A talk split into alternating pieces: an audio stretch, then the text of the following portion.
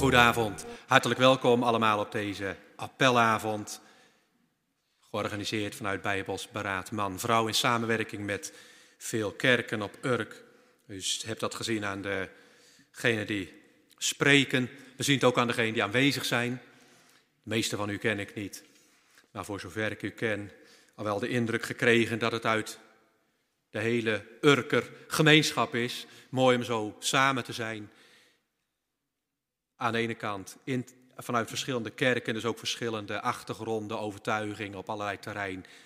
Maar dan in dezelfde overtuiging dat, het dat de Bijbel het woord van God is voor alle tijden. En dat het woord van God ook zeggenschap heeft over hoe wij leven. Hoe we omgaan met onszelf, met elkaar, met de wereld.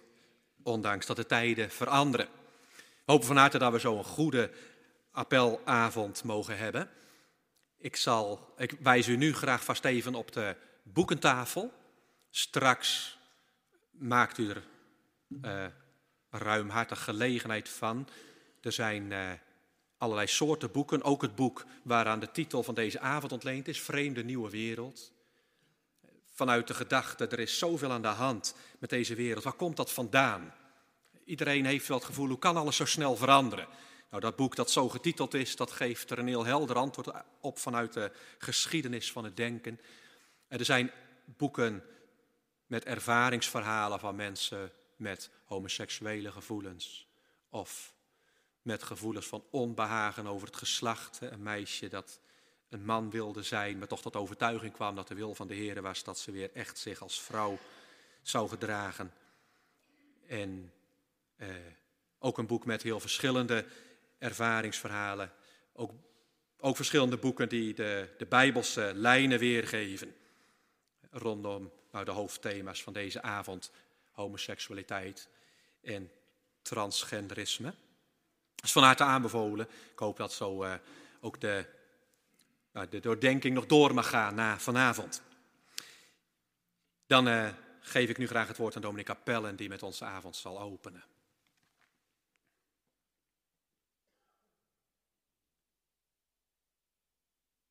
Zullen we dat doen door Psalm 119 te gaan zingen, het eerste en het 65ste vers. Welzalig zijn de oprechten van gemoed en hoe wonderbaar is uw getuigenis.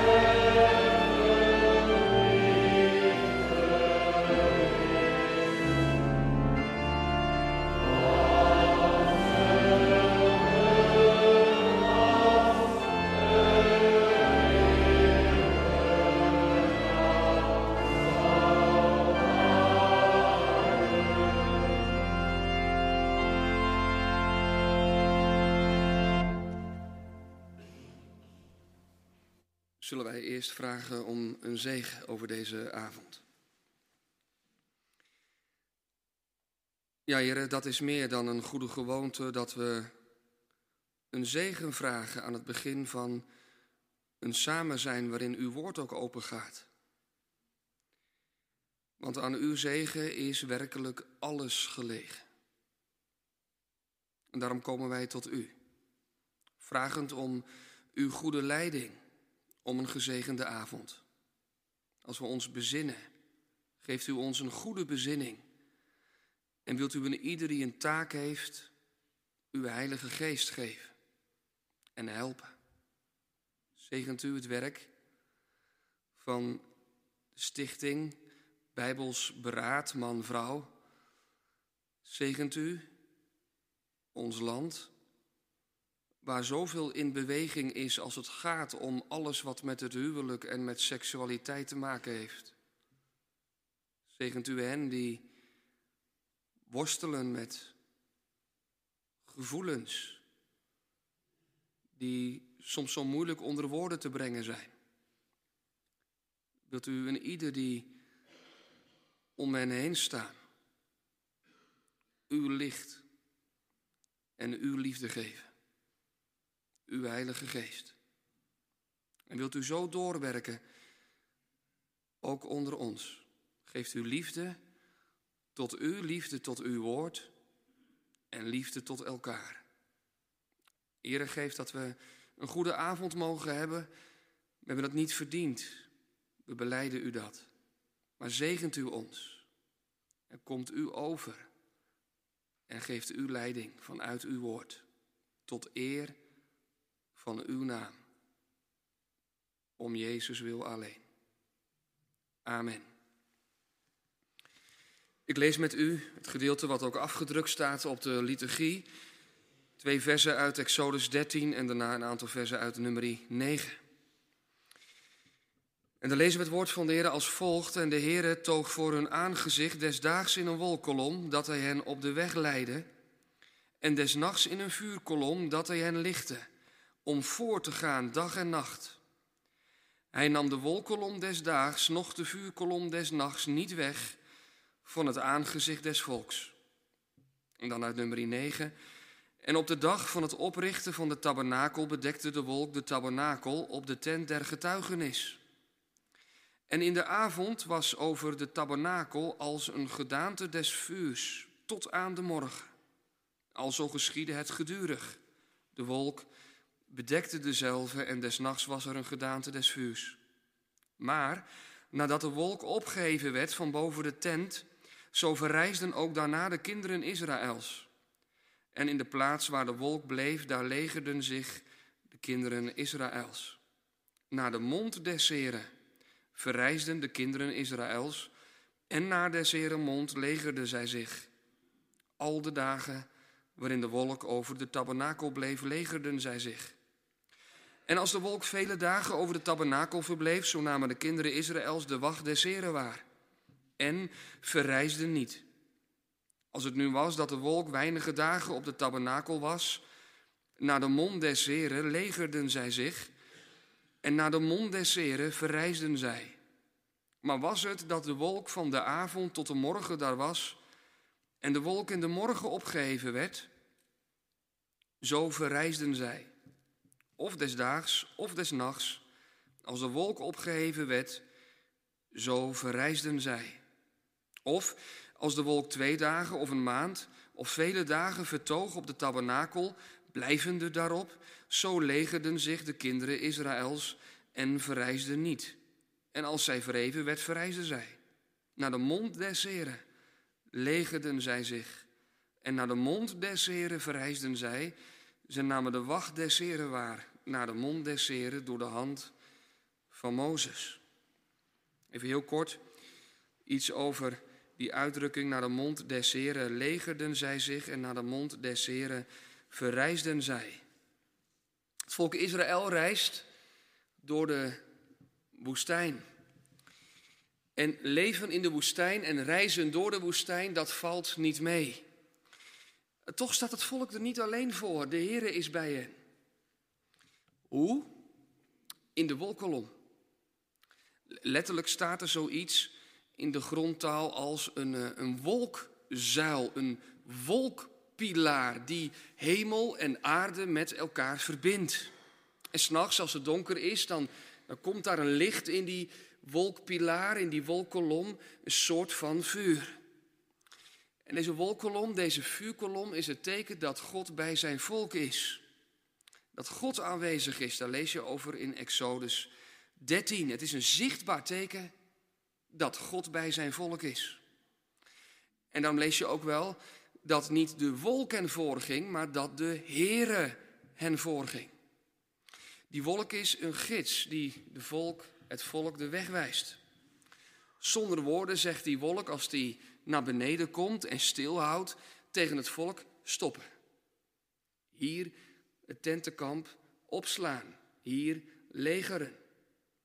Zonder woorden zegt die wolk als de wolk omhoog stijgt en weer verder trekt, breek het tentenkamp op en volg. Dus het volk moet elke keer letten op, op die wolk. En dat doet het volk ook. Dat hebben we gelezen uit het boek Numeri. Ze reizen op het bevel van God. Ze reizen naar de mond des Heren. Of ze stoppen naar de mond des Heren. Als het volk de wolk niet zou volgen, zouden ze God kwijtraken. Kijk, Mozes zou kunnen zeggen: Volg mij maar, ik weet een betere route. Het volk zou kunnen zeggen: Wij volgen de wolkolom niet. We wijken van de route af, we weten een betere weg, een snellere route. Ja, dan krijg je wel snelheid, maar krijg je God tegen. En dan kom je uiteindelijk niet goed uit. Dan kom je om. Dus het volk moet bij de Heer blijven, bij die wolk blijven. Want de wolk bleef niet bij het volk. Nee, het volk moet bij de wolk blijven. Kijk, onze situatie is natuurlijk heel anders dan het volk Israël. Maar ook ons leven is een soort van woestijnreis. En de Heer geeft ons ook een zichtbaar bewijs dat Hij met ons wil zijn en dat Hij ons leiding wil geven. Hij geeft ons zijn woord, het heilige evangelie, de Bijbel. En zo wil Hij leiding aan ons geven door onze, uh, op onze reis door het leven. Elke dag. Want de nummer 9 klinkt, dat is wel opvallend, tot zeven keer de uitdrukking naar de mond des. De mond des Heren, het bevel van God, de leiding van God aan dat volk, is maar niet gereserveerd voor één dag of voor twee dagen in de week. Nee, maar voor alle dagen. Voor zeven dagen in de week. Elke keer weer is daar de leiding van God. Elke keer lees je weer in nummer 9. De Israëlieten, ze verrijsden, ze legeren. Ze doen dat op bevel van God. Naar de mond des Heren. Dus God heeft de leiding. En zo gaat de Heer ook nu nog een weg. En wij hebben hem te volgen. De Heer zegt, je moet niet de weg gaan die, die, die jou het beste lijkt. Nee, je moet letten op de weg die ik je wijs. Dat is een goede route. Een begaanbare weg. Dat was voor de Israëlieten niet de gemakkelijkste weg, ook niet de kortste route, maar uiteindelijk wel de beste weg. Want Gods weg is altijd de beste weg. En dat geldt nog. Het is helemaal niet gemakkelijk voor ons om onze eigen wil ondergeschikt te maken aan de wil van God. We hebben onszelf erin niet mee. We hebben de wereld er niet in mee. En we hebben ook de boze er niet in mee. Als wij, ook als het gaat om wat Gods woord zegt en schrijft over het huwelijk en over het gezin en over seksualiteit. Als wij de weg willen gaan die God ons wijst, dan kunnen er allerlei stemmen klinken in ons hart. Uit de mond van allerlei andere mensen om ons heen. En ook de media praat mee en vuurt vragen op ons af.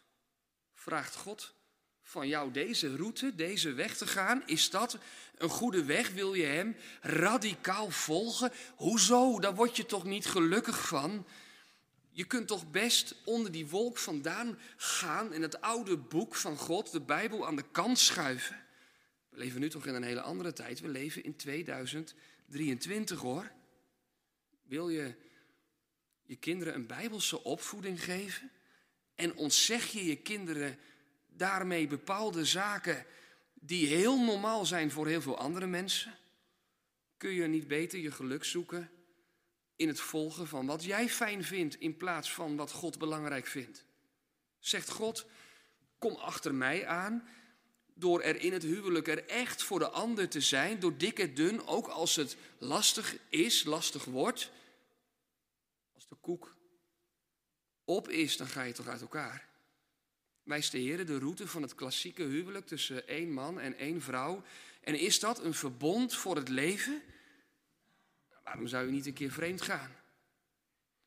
Waarom zou je geen transitie ondergaan als jij daar gebaat bij bent en de mogelijkheid ervoor is? Maar tegen al die stemmen in en tegen al die geluiden in, die tegen het woord van God ingaan en op allerlei verschillende manieren ook zich aan ons opdringen, hebben wij de wolkolom, het woord van de levende God. En God zegt, dit is de goede weg. En dit is niet een goede weg. Stop. Niet verder reizen. Leger je hier. En ook vandaag wil de Heer een leidsman zijn. En leren door woord en geest hoe wij wandelen moeten. Want Hij spreekt gewis tot elk die voor Hem leeft. En wie zijn weg gaat, met het oog op Hem gericht, die zal, hoe dan ook, die zal door Hem gezegend worden. En daarom let elke dag op de mond des Heren. Hierbij wil ik de avond voor geopend houden en het woord geven aan dokter Zuidan.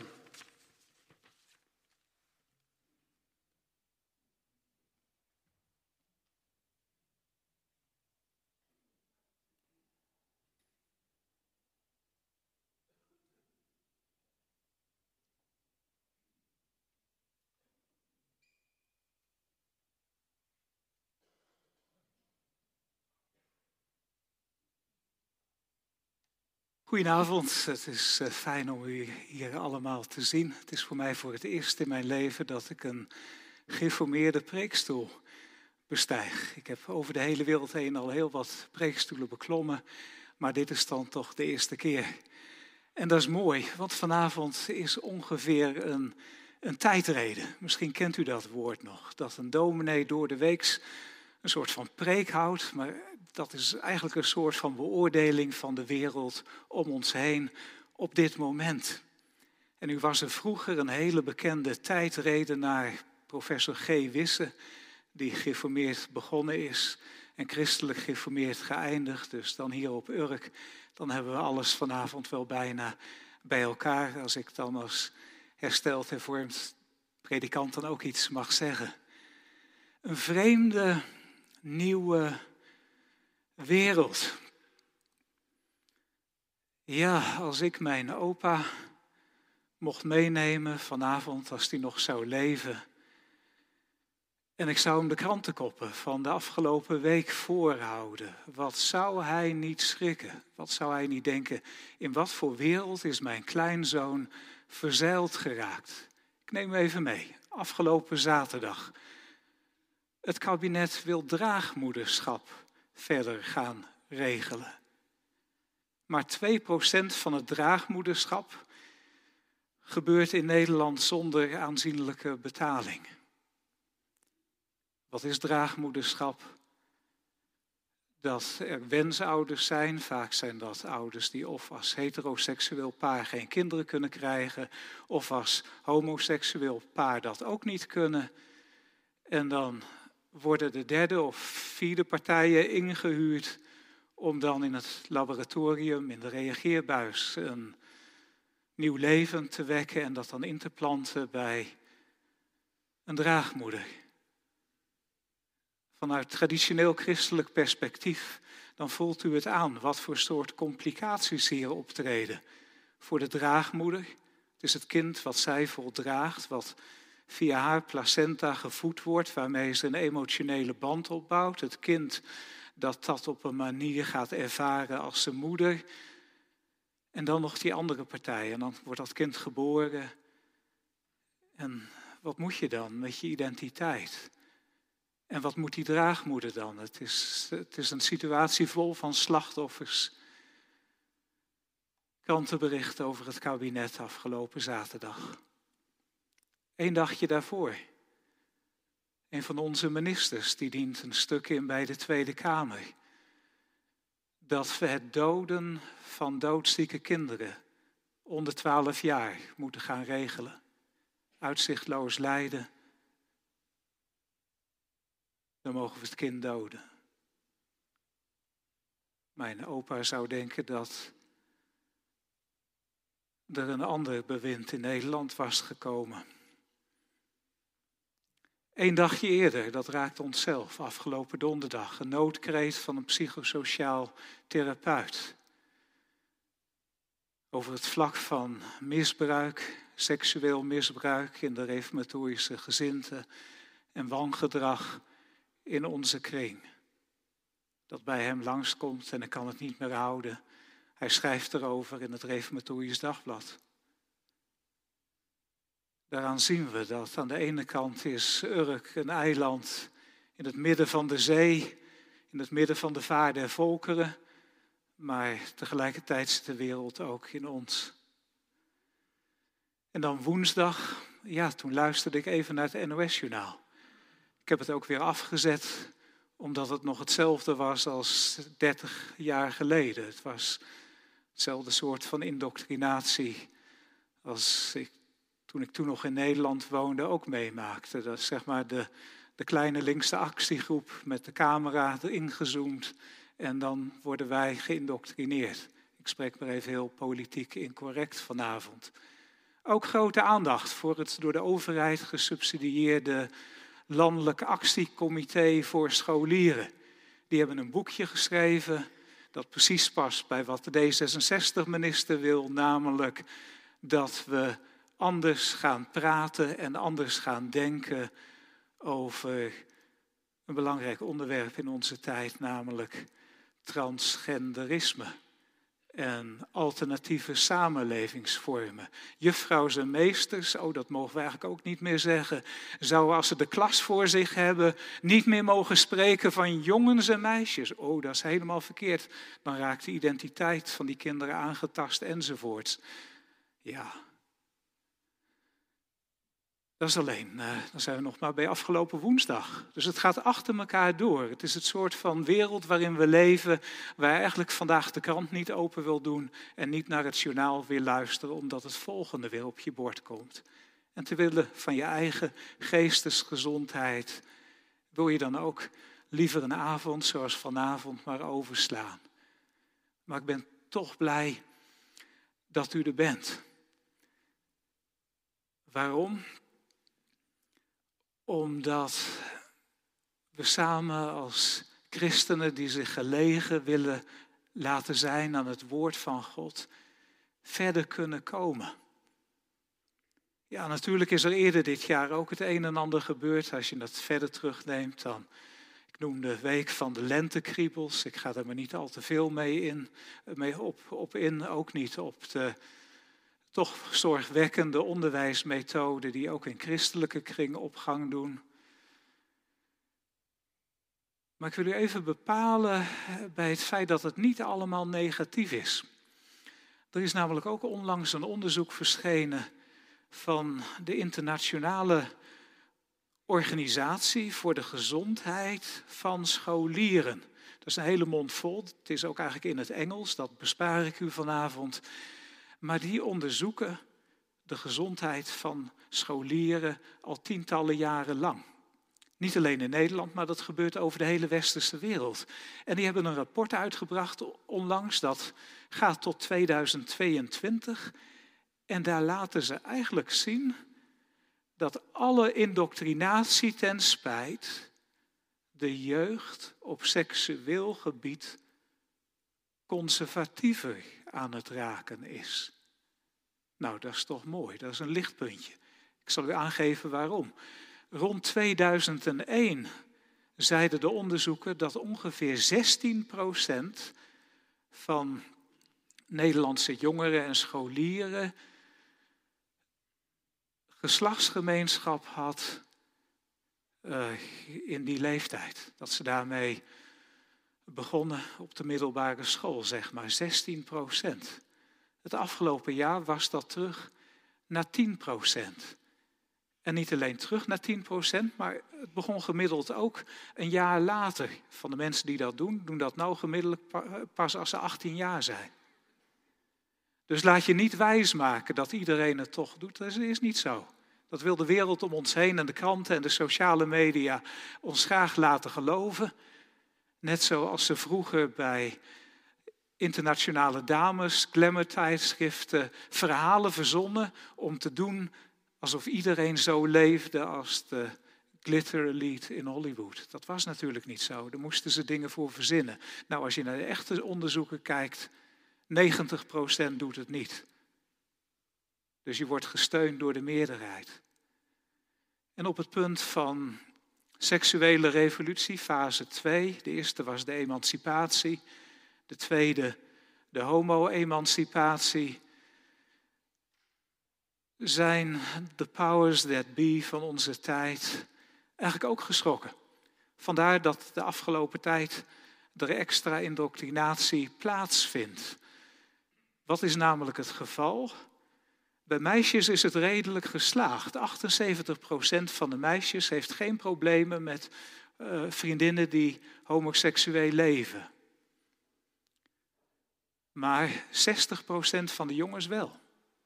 En gemiddeld is dat dan toch nog een voor de regering zorgwekkend percentage dat laat zien dat met name onder jongens, onder de overgrote meerderheid van jongens, want de meesten zullen ook niet eerlijk zeggen wat ze ervan vinden als, als ze weten wat eigenlijk van je verwacht wordt, wat je moet zeggen bij zo'n enquête. Dat bij de overgrote meerderheid van jongens homoseksuele leefwijze totaal onaanvaardbaar is. Daarom is het afgelopen jaar ook op voetbal geconcentreerd.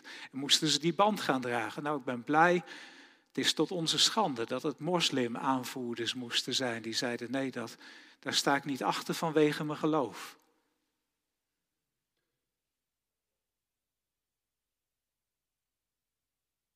Een hele vreemde tijd met vragen waarvan we 30 jaar geleden misschien dachten dat ze nooit zouden komen.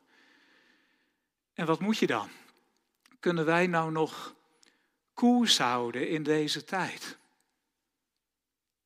Nou, het antwoord daarop is ja. En ik zal u vanavond ook proberen uit te leggen waarom.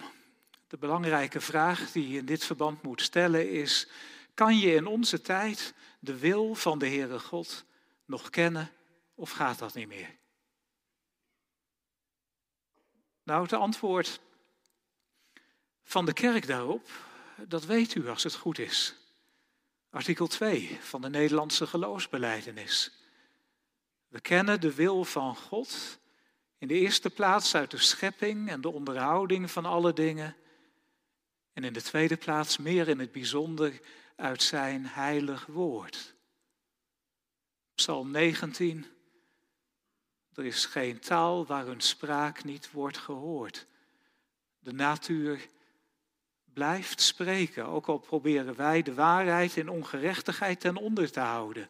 Die stem van de natuur, die blijft doorklinken. Als ik een eenvoudig voorbeeld gebruik. Als we nou naar Lelystad zouden gaan en op een flatgebouw klimmen en ik zou zeggen spring eraf. Dan zeg je natuurlijk niet. Want dat werkt niet met de wetten van Newton. Als, als ik hier afspring, dan val ik te pletter dan ga ik dood. Uit de natuur kan je aflezen wat gezond is voor je en wat niet. Wat werkt, hoe het biologisch bedoeld is en wat gezond is. Al die dingen zijn in onze tijd ook nog steeds leesbaar en zichtbaar. Op het punt van homoseksualiteit, als ik dat heikele voorbeeld mag geven, had uh, mijn Amerikaanse collega in de ethiek, professor Crudum, die heeft er een dik boek over geschreven met een hoofdstuk over homoseksualiteit, waarin hij de gezondheidsstatistieken aanhaalt van de Amerikaanse overheid over Mannen die op homoseksuele wijze leven. Gemiddeld 20 jaar lagere levensverwachting.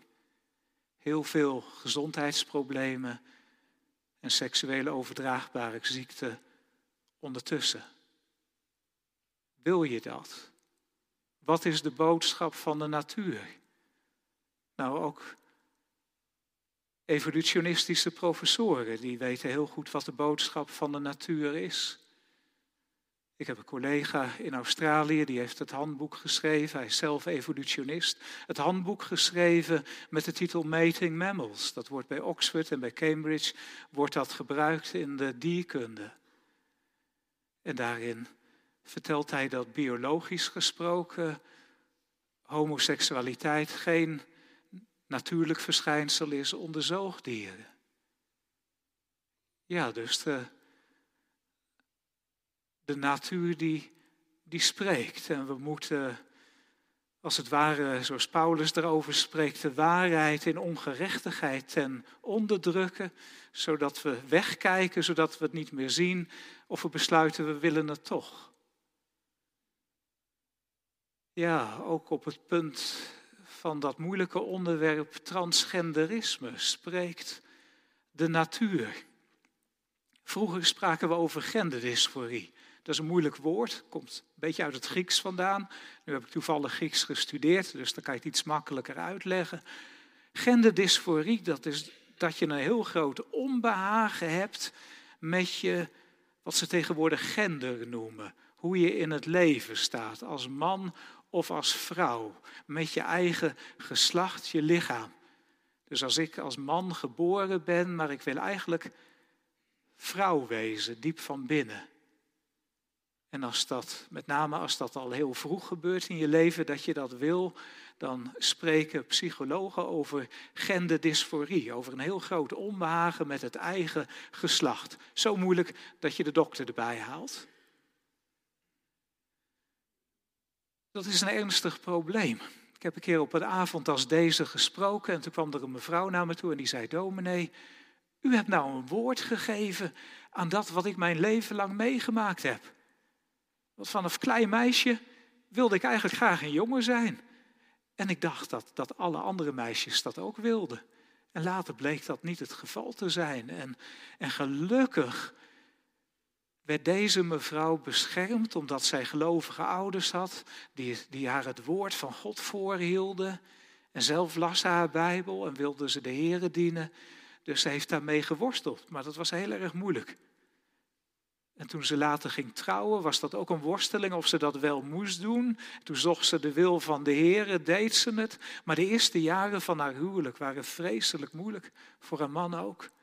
Dus denk niet te licht van genderdysforie. Dat is echt een probleem. Het is goed gekomen met die mevrouw, met haar huwelijk ook. De, de bevrijding kwam nadat ze haar eerste kind kreeg. En toen werd het hanteerbaar.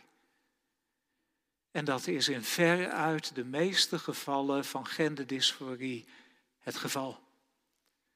Als ik u de oude statistieken voorhoud, het Nederlands tijdschrift van de geneeskunde, dus waarin die medische hoogleraren, professoren schrijven, wetenschappelijk goed doordacht, vertelt ons dat het maar onder 1 op de 30.000 meisjes voorkomt. Nou, dan is de kans al eigenlijk heel klein dat er hier op Urk zo iemand zou zijn die genderdysforie heeft in de oude zin. Onder jongens kwam het iets vaker voor, 1 op de 12.000. Maar zelfs dat is nog 0,0 zoveel procent. En daarvan zeiden de wetenschappers, en zeggen velen het nog, gaat bij de jongens 98 procent van de tijd het soms met worsteling, maar dan toch, zoals wij dan zouden zeggen, vanzelf over. Dus zonder dat je hormonen gaat slikken, zonder dat je aanpassende operaties hebt, gaat natuurlijk voorbij. Voor meisjes is het percentage iets lager, maar dat ongeveer 88 procent. Maar dat komt omdat het onder meisjes veel minder voorkomt. En als het dan voorkomt, is het vaak een ernstigere vorm. Dat was vroeger, dat was nog maar twintig jaar geleden. Dat was eigenlijk nog maar tot 2013 dat het zo gezien werd. Ondertussen is er iets gebeurd. We hebben er iets bij gekregen, namelijk genderisme, ofwel genderideologie. Dat we te maken hebben met mede-Nederlanders die zeggen: wat je denkt, dat mag je zelf bepalen. Als ik vandaag denk dat ik een vrouw ben, dan moet ik naar het gemeentehuis kunnen gaan en vertellen dat ik vrouw geworden ben en dan moet mijn paspoort veranderd worden. En weet u wat? Tegenwoordig, anno 2023, is dat ook zo. De discussie gaat alleen over de vraag: mogen kinderen onder de 12 dat ook nou gaan willen? Of vanaf 12 jaar oud of zo? En moet je kinderen van 12 jaar oud het zelfrecht geven om te besluiten dat ze hormonen gaan slikken die hun hele leven beïnvloeden, die meisjes onvruchtbaar kunnen maken. En als je het eenmaal slikt, dan wil je lichaam niet meer terug. Dus dan is het the road of no return. En dan krijg je de onherstelbare verminkingen dat gezonde geslachtsdelen verwijderd worden, borsten afgesneden worden en dat je uiteindelijk in het leven staat als een van de mensen van wie we boeken op de boekentafel hebben liggen. Mevrouw Laura Perry. Ik heb haar geïnterviewd. Het staat van de banier op YouTube. Dat je daar zo ver in meegaat dat je eigenlijk alles kwijtraakt. En ook niet meer kan verdragen als je ouders die nog naar de kerk gaan over God praten en zeggen het is eigenlijk niet zo en verweigeren jou op je aangenomen mannennaam te benoemen, want het is niet zo. De Heer laat zien dat het anders is en hij zegt dat het anders moet in zijn woord.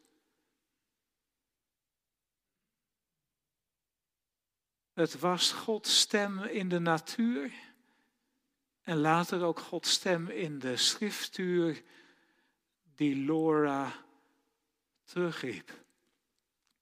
Ondanks de politieke ontwikkelingen. Ondanks dat in 2013 een nieuwe internationale psychologische handleiding verschenen is die zegt, uh, genderdysforie dat is eigenlijk geen probleem meer. Als mensen bij de psychiater komen, bij de dokter, dan moeten ze bevestigend optreden. Dus je mag het niet eens meer betwijfelen.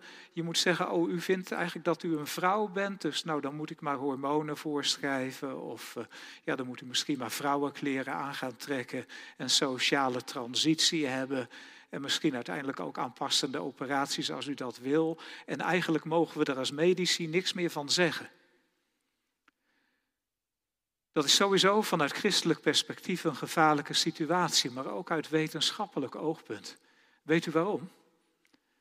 Als u op het internet, zelfs bij Wikipedia, en die wordt zwaar gecensureerd door linksliberale kringen, maar zelfs al gaat u kijken bij de Wikipedia bij DSM-5, zo heet die handleiding,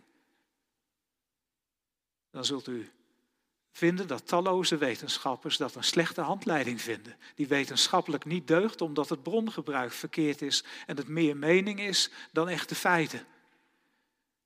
En een tweede belangrijke reden dat die niet deugt is omdat heel veel van die wetenschappers banden hebben met onder andere de farmaceutische industrie. En Psychiatrie gaat natuurlijk over een heleboel onderdelen, maar als we dan alleen transgender nemen en hormonen en aanpassende operaties, dat is een miljardenindustrie. Als de mensen die het boek schrijven baat hebben bij de miljarden, dan is het niet meer wetenschappelijk neutraal. Dus we hebben wetenschap die in dienst staat van de ideologie in onze tijd. Afgelopen week ook een nieuwe studentenvereniging bij ons bij de VU gericht tegen woke. Want zowel studenten als docenten, als je die nieuwe studentenvereniging mag geloven, durven niet meer werkelijk te zeggen wat ze vinden, want voor je het weet dan word je aangeklaagd door de politieke correcte ideologen en wordt je leven verzuurd. Het is geen vrijheid van onderzoek in bepaalde context meer, maar je moet vinden zoals anderen of je wordt gecanceld. Dat is uit wetenschappelijk oogpunt bedenkelijk. Er is een andere reden waarom je moet oppassen voor wat de politiek wil. Er zijn de laatste tijd talloze wetenschappelijke artikelen verschenen en conferenties gehouden die de krant niet halen. Ik noem een voorbeeld. November vorig jaar een nationaal congres van endocrinologen in Frankrijk. Moeilijk woord, endocrinoloog, dat betekent wetenschappers die zich bezighouden met de hormoonhuishouding in je lichaam. Dus of het gezond is om als man vrouwelijke hormonen te gaan slikken en in welke situatie wel of niet. Dat congres heeft gewaarschuwd tegen het toedienen van hormonen aan, aan kinderen die transgender problemen hebben in de puberteit of daarvoor. Hebben gezegd niet doen, is gevaarlijk, heel voorzichtig mee zijn. Je kunt er hartklachten van krijgen. Je kunt de vaatziekte van ontwikkelen en kanker van krijgen. Maar het staat niet in de krant. Waarom niet? En als je het opzoekt op het internet, dan moet je ook 20 of 30 bladzijden bladeren, omdat de logaritmen zo ingesteld zijn dat je niet bij die feiten uitkomt. Ook vaak niet bij de wetenschappelijke artikelen die ik dan als ethicus wel lees, die dat plaatje bevestigen. En dat is niet alleen bij die ingewikkelde artikelen, zeg maar, die ik dan opzoek in de databasissen. Maar u kunt ook naar de psychiatrische faculteit van de Harvard Universiteit gaan. En daar vindt u dezelfde feiten. Een paar maanden geleden waarschuwde die ook. Dus de natuur spreekt. En er zijn wetenschappers die dat ontdekken en die dat naspreken, maar, maar we willen het niet horen. Dus het staat niet in de krant. Maar Psalm 19 is waar, ook vandaag. En wat Paulus in Romeinen 1 en 2 schrijft, is ook waar, als je het wil zien. En dan meer in het bijzonder Gods heilig woord. Heeft de Bijbel hier iets over te zeggen, over dit onderwerp transgenderisme? Als je nou niet lekker in je vel zit, je wil eigenlijk iets anders zijn. Ja, je hebt dat dan vanavond gehoord.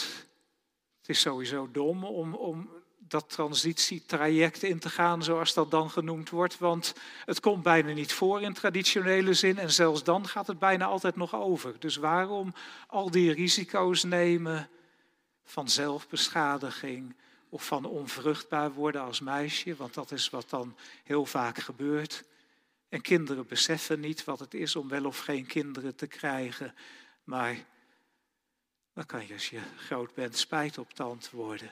Waarom al die risico's nemen? Nee, uit de natuur weet je al dat je die kant niet op moet gaan. Dat de Heer het door zijn schepping al laat zien. Onverstandig wegblijven als het even kan. Maar dan in zijn genade heeft de Heer ook nog zijn heilig woord gegeven, de Bijbel, waarin hij ons meer in het bijzonder uitlegt. Als we het uit de natuur, uit de biologie al niet wisten dat man en vrouw voor elkaar bedoeld waren en niet vrouwen voor vrouwen en mannen voor mannen, dan weten we het uit de Bijbel. Mannelijk en vrouwelijk schiep hij hen. We zien het in de natuur, we zien het onder de mensheid. Zo planten wij voort. Daarom, zo zegt onze Heer Jezus Christus, zal een man zijn vader en moeder verlaten en zijn vrouw aanhangen. Dat is de manier waarop de Heer het menselijk geslacht voortgang geeft. Zo heeft hij het bedoeld. Man en vrouw schiep hij hen. En als hij jou het lichaam van een meisje heeft gegeven, dan heeft hij dat bedoeld. Of als hij jou als jongen gemaakt heeft, en zelfs in onze gevallen toestand, heeft de Heer ons wonderlijk gemaakt. Dat weten we uit Psalm 139. In de moederschoot geweven. Dat heeft hij bedoeld. En natuurlijk, we zijn in een gevallen schepping. Na de zondeval is niemand van ons meer normaal. En heeft iedereen aanvechting met verkeerde gedachten? En kunnen de zondige heteroseksuele verlangens in ons opkomen? Of homoseksuele verlangens? Of allebei? En dan zegt de wereld om je heen: Oh, je denkt iets homoseksueels, nou ben je homo geworden. Oh, denk je morgen iets anders, dan, dan ben je zeg maar iemand die op mannen en op vrouwen valt. Dan ben je biseksueel. En heb je even nergens geen zin meer in, dan, dan hebben ze daar weer een ander woord voor. Ik doe ongeveer niks meer met Facebook, maar als u dat wel doet, dan, dan hebt u de afgelopen jaren ontdekt dat je kan kiezen uit meer, of dat kon in ieder geval uit meer dan 50 verschillende genderidentiteiten. Volgens die ideologie van wat je denkt, dat ben je zelf. En iedereen om je heen die moet dan meedoen met wat we vroeger de nieuwe kleren van de keizer noemden. Kent u dat sprookje? Nou, dan moet u dat, dat maar eens gaan nalezen thuis. Meedoen met de politieke ideologie van de dag. Ook al ziet iedereen bij zijn boerenverstand dat hier iets niet klopt. En bij de keizer was het uiteindelijk een klein jongetje dat niet gehinderd door sociale conventies hardop riep: Hé hey mama, die man heeft geen kleren aan.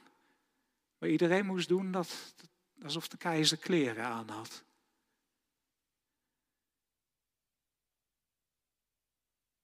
Ja, dat is hoe de duivel werkt. Hij leidt ons af van de waarheid, zoals de Heer die openbaart in de natuur en in de schriftuur.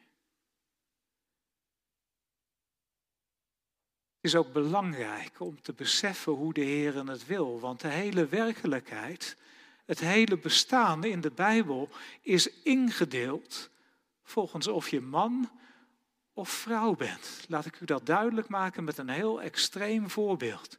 Als mijn gevoel zou bepalen of ik man of vrouw ben, en ik zou morgen een vrouw willen zijn. Gek voorbeeld natuurlijk, maar best om een voorbeeld van mezelf te nemen dan zou de hersteld hervormde kerk zeggen, kijk, wij hebben alleen mannelijke ambtsdragers. Dus als u vrouw bent, dan gaat dat niet meer. Dan moet u stoppen met dominee zijn. En als u dan dat omgekeerde voorbeeld gebruikt, zoals in kerkverbanden waar, waar vrouwelijke uh, ambtsdragers dan wel of niet gebruikelijk zijn, maar stel nou u bent een, uh, een vrouw en u vindt eigenlijk van binnen dat u man bent, en als dat voor de wet de identiteit bepaalt en straks ook voor de kerk, dan kan je morgen een ander gevoel krijgen en dan moet de kerk zeggen, nou mag die mevrouw van vroeger ook ambtsdrager worden, want, uh, want haar identiteit is nou man geworden. Ziet u hoe extreem dat gaat als ons gevoel normatief gaat en we ons niet meer laten leiden door waarheid buiten ons, maar zelf de maatstaf worden voor alle dingen. Dat is dat is gevaarlijk. Dan raakt het chaos, dan gaat het heen en weer volgens de wind van de dag. Volgens hoe 50% plus 1 vandaag denkt. En dan is dat morgen weer anders. Nee, in de Bijbel is dat biologisch onderscheid tussen man en vrouw bepalend voor wat je moet en mag doen binnen het koninkrijk van de Heer. Welke plaats de Heer je geeft. Dat is bepalend voor de maatschappij. Nou, dat was de eerste aanslag van de seksuele revolutie. Weg met de patriarchale samenleving. Weg met de man als verbondshoofd. Verandering van de bevoegdheid van de gehuwde vrouw. Iedereen voor de wet gelijk. Ja, zo ook als reformatorische gezind hebben we die die verandering grotendeels geslikt en meegemaakt. Ook wij zijn niet immuun voor seksuele revolutie fase 1. Ook onder ons is het vaak zo dat de kerk is dan een laatste bastion geworden. Want mama draagt de kinderen al ten doop, is grotendeels verantwoordelijk voor de geestelijke opvoeding, vaak ook al directeur of directrice van de christelijke school, directeur in het bedrijfsleven, op alle andere terreinen waarin de Bijbel het vroeger een noodgreep was als een vrouw dat deed, is dat nou een recht geworden en vaak onder ons ook al regel, gedwongen dankzij de noodgedwongen twee verdieners samenleving die 40 jaar geleden door de christelijk-democratische premier Lubbers gelanceerd werd. Toen werden de rails gelegd dat wij dat ook zijn gaan doen. Ja, maar in de Bijbel is dat anders. Als Calvijn over de vrouw in de politiek schrijft, dan mag dat. Dan is dat soms ook tot zegen, zoals bij Deborah. Maar hij zegt uiteindelijk, het is een noodgreep. Het is omdat wij mannen het erbij hebben laten zitten en onze verantwoordelijkheid niet namen. Dus er is al een verschil tussen ons en de praktijk van de Bijbel waar het seksuele revolutie fase 1 betreft. Nou ja, fase 2 met de homoseksualiteit. Nog meer natuurlijk. Maar we beperken ons nou even tot het onderscheid tussen man en vrouw. Dus dan, dan neem ik het gezin. De man als verbondshoofd. Die zijn kinderen moet onderwijzen. Scherp het uw kinderen in. Dat is geen plicht van de mama, dat is de verantwoordelijkheid van de vader. En zo was het vroeger in Nederduits gereformeerde kring, toen we nog allemaal samen in de 17e eeuwse Nederduits gereformeerde kerk zaten. Toen was dat zo. Bij Abraham Kuyper ook. Maar nu is het vaak een situatie dat wij mannen erbij laten zitten. Dat een reformatorische jongen die eigenlijk niet zoveel met de kerk meer doet, dan toch het kerkelijk trouwe meisje trouwt. En dan komt eigenlijk neer op mama. Ja, het woord van de Heer zegt ook tot ons, bekeer u.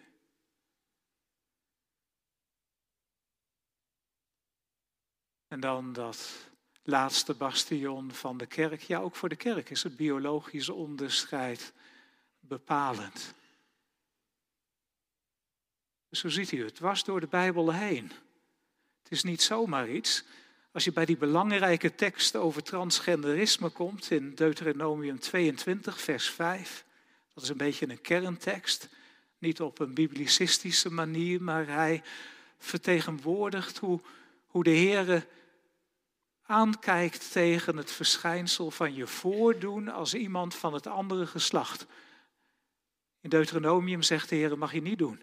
Je mag je als man niet voordoen alsof je een vrouw bent. Je mag niet voor drag queen gaan spelen in Rotterdam op hoge hakken en met een hoog stemmetje gaan praten en, en, en doen alsof dat nou normaal is en aanvaard moet worden en bevorderd in de samenleving. Nee, daar zou je inderdaad kwaad van raken. En, en sommige mensen werden dat ook. Als dat, zeg maar, provocerend gebracht wordt en jonge kinderen vonden dat vroeger eng. Om dezelfde reden als de clowns ook eng vonden. En om dezelfde reden als de KRO in de jaren 70 Batman van de televisie weerde, omdat daar vergelijkbare verschijnselen waren met eh, enge meneren die je niet echt kon vertrouwen. Ja, we zijn in een enge, vreemde wereld geland. Maar de Heer die zegt, het is niet normaal, het mag niet. Je mag je niet voordoen als iemand van het andere geslacht. En dan is de deur helemaal dicht tegen dat hele transitiegebeuren waarover tegenwoordig gediscussieerd wordt. Dat je, nou ja, als het dan echt moeilijk is, dan mag je wel vrouwenkleren gaan aantrekken als dat troost geeft. En dan, dan zijn er christenen die heel ver meegaan en meebuigen met de normativiteit van het zondige gevoel, van het aangevochten gevoel. Nee, moeten we juist niet doen. We moeten, ik heb daar de afgelopen week een praktische column over geschreven op de Bijbels Beraad website. Hoe moet je daarmee omgaan? Met, moet je meegaan met persoonlijke voornaamwoorden, zoals dat LAX-comité wil hebben dat u dat zegt, dat je over iemand die niet precies weet, als hij ergens tussenin zit, dan moet je niet spreken van hem of van zij, maar dan moet je van die of van hen gaan spreken. Dat wordt volslagen taalkundige chaos. Maar dat is nog niet het ergste. Je bevestigt mensen in een schijnwereld die niet zo is. Dat zeggen ook Joodse geleerden, exegeten, bij de uitleg van Deuteronomium 22. Die zeggen, hier hebben we te maken met een kosmische ordening. Wij zouden zeggen met een scheppingsordening. Zo heeft de Heer deze wereld in elkaar gezet. Dat is een, een soort eeuwig beginselprincipe dat we alleen tot onze schade kunnen overtreden. Dat je biologisch mannelijk of vrouwelijk bent, dat moet je in acht nemen, ook in de samenleving. Anders heb je smart op smart te vrezen. Dus dat is geen geïsoleerde Bijbeltekst, dat is een scheppingsbeginsel. Je niet voordoen als iemand van het andere geslacht. Want dat is de leugen leven. En dat is niet naar de bedoeling van de Heer. We hebben een aantal boekjes daar in het voorportaal. En dat is wat mevrouw Laura Perry, die die hele weg van ombouwen en verminking was ondergaan. En jarenlang hormonen geslikt had. Ze woonde ook samen met een man die dacht dat hij een vrouw geworden was. Dus dat was heel complex. Als je, je kan eigenlijk niet dieper gaan dan dat. Maar dan is het mooie dat zoals de apostel Paulus, ik heb er de afgelopen weken over mogen preken met Pasen, getuigde van de opstandingen van de Heer Jezus. En toch is het echt. En je kan het helemaal geloven, omdat ik er ook getuige van ben als een ontijdig geborene. Ik heb er alles voor op het spel gezet. Mijn leven was helemaal de andere kant op gericht. Ik ging mee met de fariseeën, met de vervolging van die christenen. Want ik dacht, dat is een gevaarlijke secte, daar moeten mensen bij wegblijven. Ik heb soldaten meegekregen, brieven om ze te vervolgen, om ze in de gevangenis te werpen, om ergere dingen te doen. Maar ik getuigde van, dat was een verkeerde weg. En zo getuigt Laura Perry er ook van dat hormonen slikken, dat meegaan met je gevoel dat niet op realiteit berustte, verkeerd was. Weet u hoe ze daaruit kwam? Door die twee beginsels die wij weten uit onze Nederlandse geloofsbeleidenis. Wat hebben we een rijke traditie, ook in de beleidenis der vaderen. Gods wil in de natuur en in de schriftuur. Als ik dat bij haar snel even langs ga, dan ontdekte ze, ze had zelfs een soort van prostaat gekregen, zodat ze er aan de buitenkant uitzag als een man. Maar ze ging ontdekken, ja, ik heb nou al die hormonen wel geslikt en ik lijk nou meer op een man aan de buitenkant. En zelfs die aanpassende operaties, de borsten weg, baarmoeder weg. En nou lijkt het aan de buitenkant erop en denken sommige andere mensen ook dat ik een man ben als ze me zien voor het eerst. Maar het is niet echt, het is een leugen. Daar was iets aan vooraf gegaan. Namelijk biddende ouders. En ik hoop dat u dat ook gaat doen als u met transgenderisme in uw omgeving te maken heeft. Dichtbij, met kinderen, of een neef of nicht. Misschien wel vrienden of iets verder dat u die mensen lief hebt en dat u voor hen gaat bidden. Dat deed Laura's moeder ook. Toen zij eigenlijk niks meer van haar ouders wilde weten. Toen transgenderisme onbespreekbaar geworden was. Toen zij zich zo verhard had dat er menselijk gewijs gesproken geen weg meer terug was. Was er een biddende moeder die de moed niet opgaf. En zij ging samen met de zusters in de gemeente de vrouwenvereniging, bidden voor Laura. En specifiek dat haar dochter een honger naar het woord van God in haar hart zou krijgen. Want die vrouwen beseften de enige manier, als ze er nog ooit gaat uitkomen, dan is dat dat de Heer haar weer in contact brengt met de werkelijkheid zoals Hij die ziet en geschapen heeft. En dat gingen die vrouwen doen. En zonder dat ze het wisten, werd die honger in Laura's hart gewerkt. Er was een dominee waarnaar ze luisterde, die had een radioprogramma waarbij hij allerlei dingen besprak en, en ze had respect voor die man. En daardoor luisterde hij, zij ook als hij dingen zei over transgenderisme. dus daarover zei hij dezelfde soort dingen als u bij mij vanavond hoort. En ze respecteerde die man, dus ze bleef toch luisteren. Het was eigenlijk haar favoriete radioprogramma. En er was ook wat anders gebeurd. Ze had een audiobijbel gekocht. En die ging ze luisteren. De hele Bijbel door. En zo verzadigde ze haar geest met het woord van God. Dus dat aan de ene kant de natuur die tegen haar zei, ja maar eigenlijk is het ook maar behelpen en het is niet echt, ik ben niet echt een man geworden. En dat klopt ook, je kan dat niet. Er zijn alleen maar mannen en vrouwen in deze wereld. Je gevoel maakt dat niet anders, biologisch is het zo.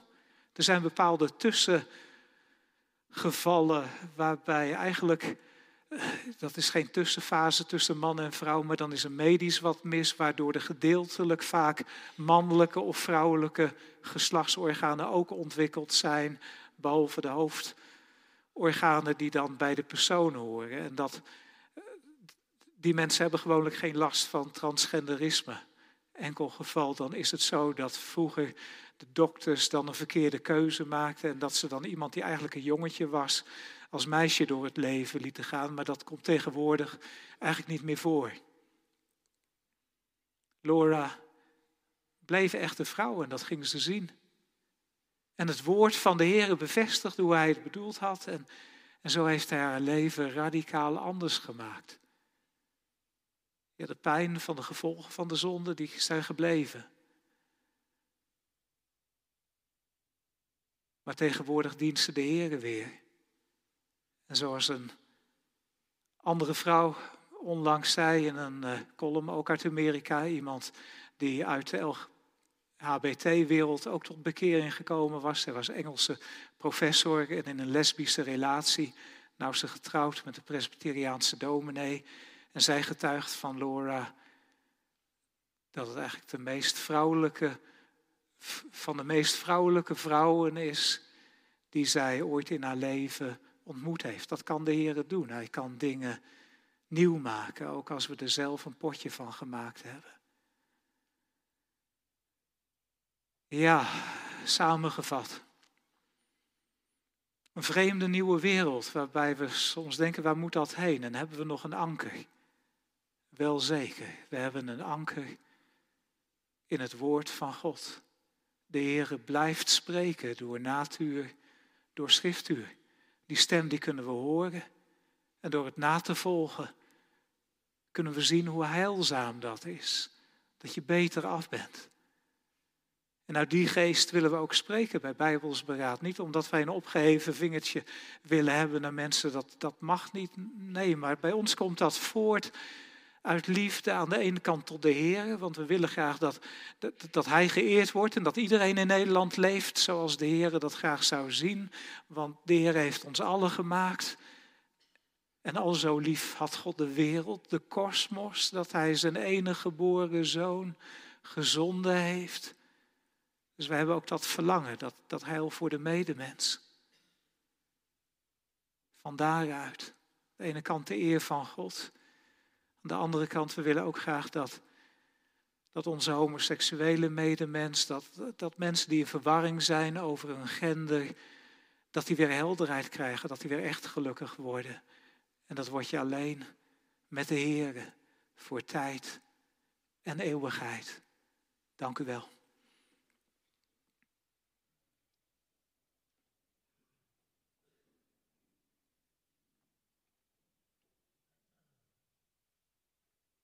Dan zijn we bijna toe aan het forum. Ik uh, kondig die vast aan. Uh, maar dan wil ik van tevoren zeggen, als u vragen hebt, misschien naar aanleiding van de lezing of belendende vragen, noteert u die. U hebt als goed is briefjes uh, kunnen vinden ergens om u heen, een pen. En dan nou kunt u die briefjes naar voren geven. Ik zal wel even langslopen om ze op te halen. U kunt ook mondeling uw vraag stellen. Maar als u het fijn vindt, kan dat dus schriftelijk.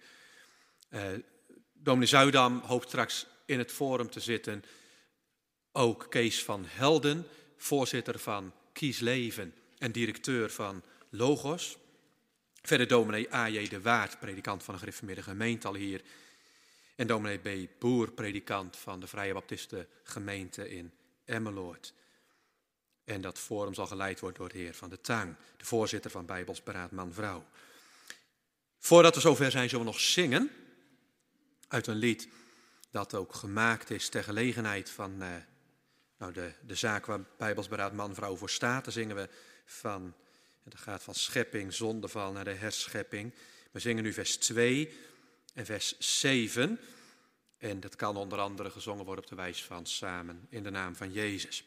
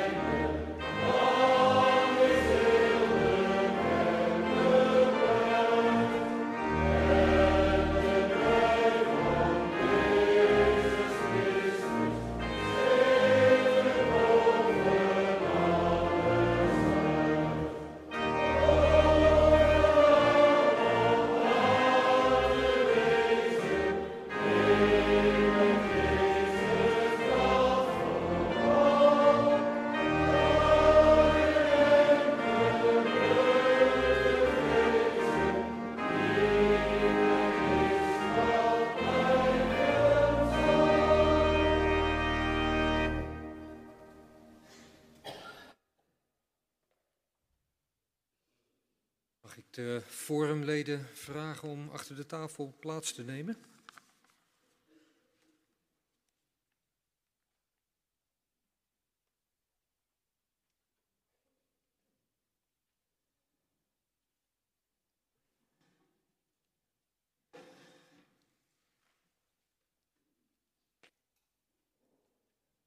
Ja, zoals dominee van Renen al noemde, u kunt vragen indienen door eventjes die op een briefje te schrijven en dan of aan hem te geven of naar voren te geven. Dan komen ze hier vanzelf. Mijn naam is Laurens van der Tang, voorzitter van Bijbels Beraad van het bestuur.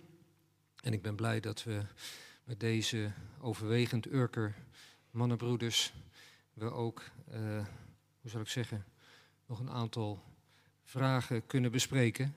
Nou had ik al bedacht dat misschien niet meteen de stroom van vragen los zou barsten. Dus uh, ik had er ook alvast een paar bedacht. Daar ga ik dan een beginnetje mee maken en misschien dat al vragende en sprekende er dan nog wel meer vragen komen. Ik wilde als eerste aan dominee De Waard een vraag stellen. Dominee, uh,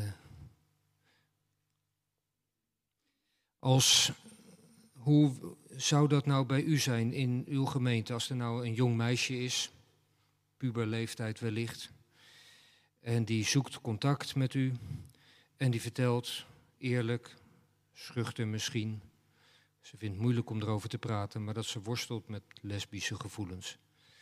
Wat is nou de manier zoals u daar als predikant dan mee omgaat met zo'n situatie?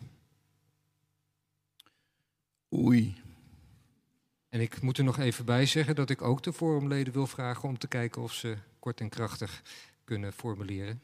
Uh, dus zou u dat eens in enkele woorden kunnen proberen te schetsen?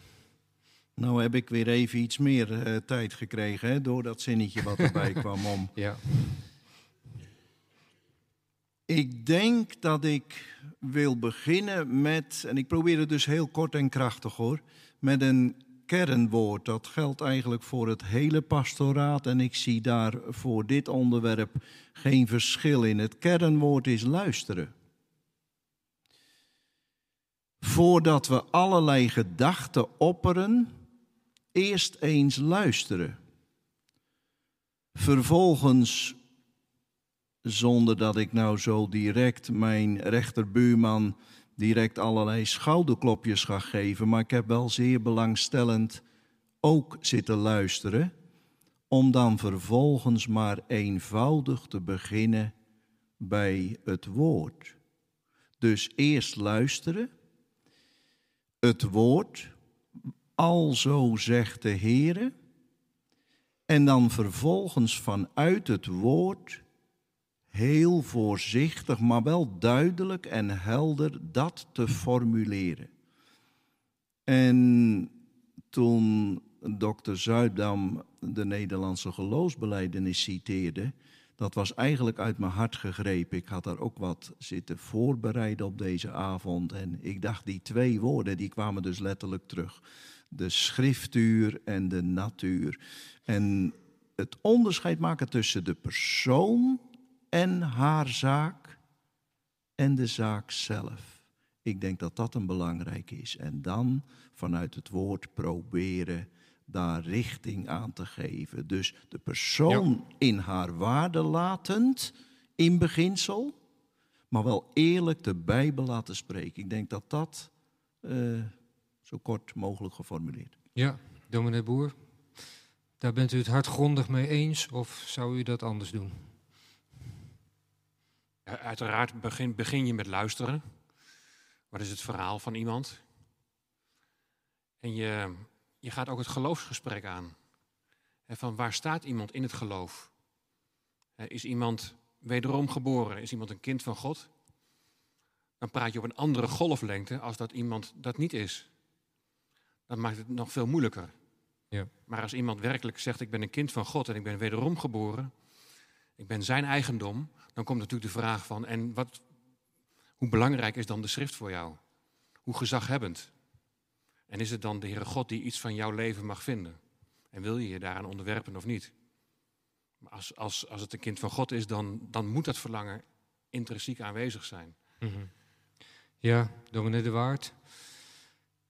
Denkt u, hoe, hoe zou u dat zien? Dat, kan, kan dat zijn dat iemand wedergeboren is en nog steeds dergelijke gevoelens ook ervaart? Dat vind ik een lastige. Volgens mij geldt het altijd dat het woord het richtsnoer behoort te zijn, wie we ook zijn. En ik geloof dat het ook bijbels is, de Jezus zelf predikte tot de scharen. En hij was de hartenkenner. Wij zijn dat niet. Dus ik vind dat een moeilijke. Ik denk dat sowieso het woord dient het richtsnoer op het pad te zijn.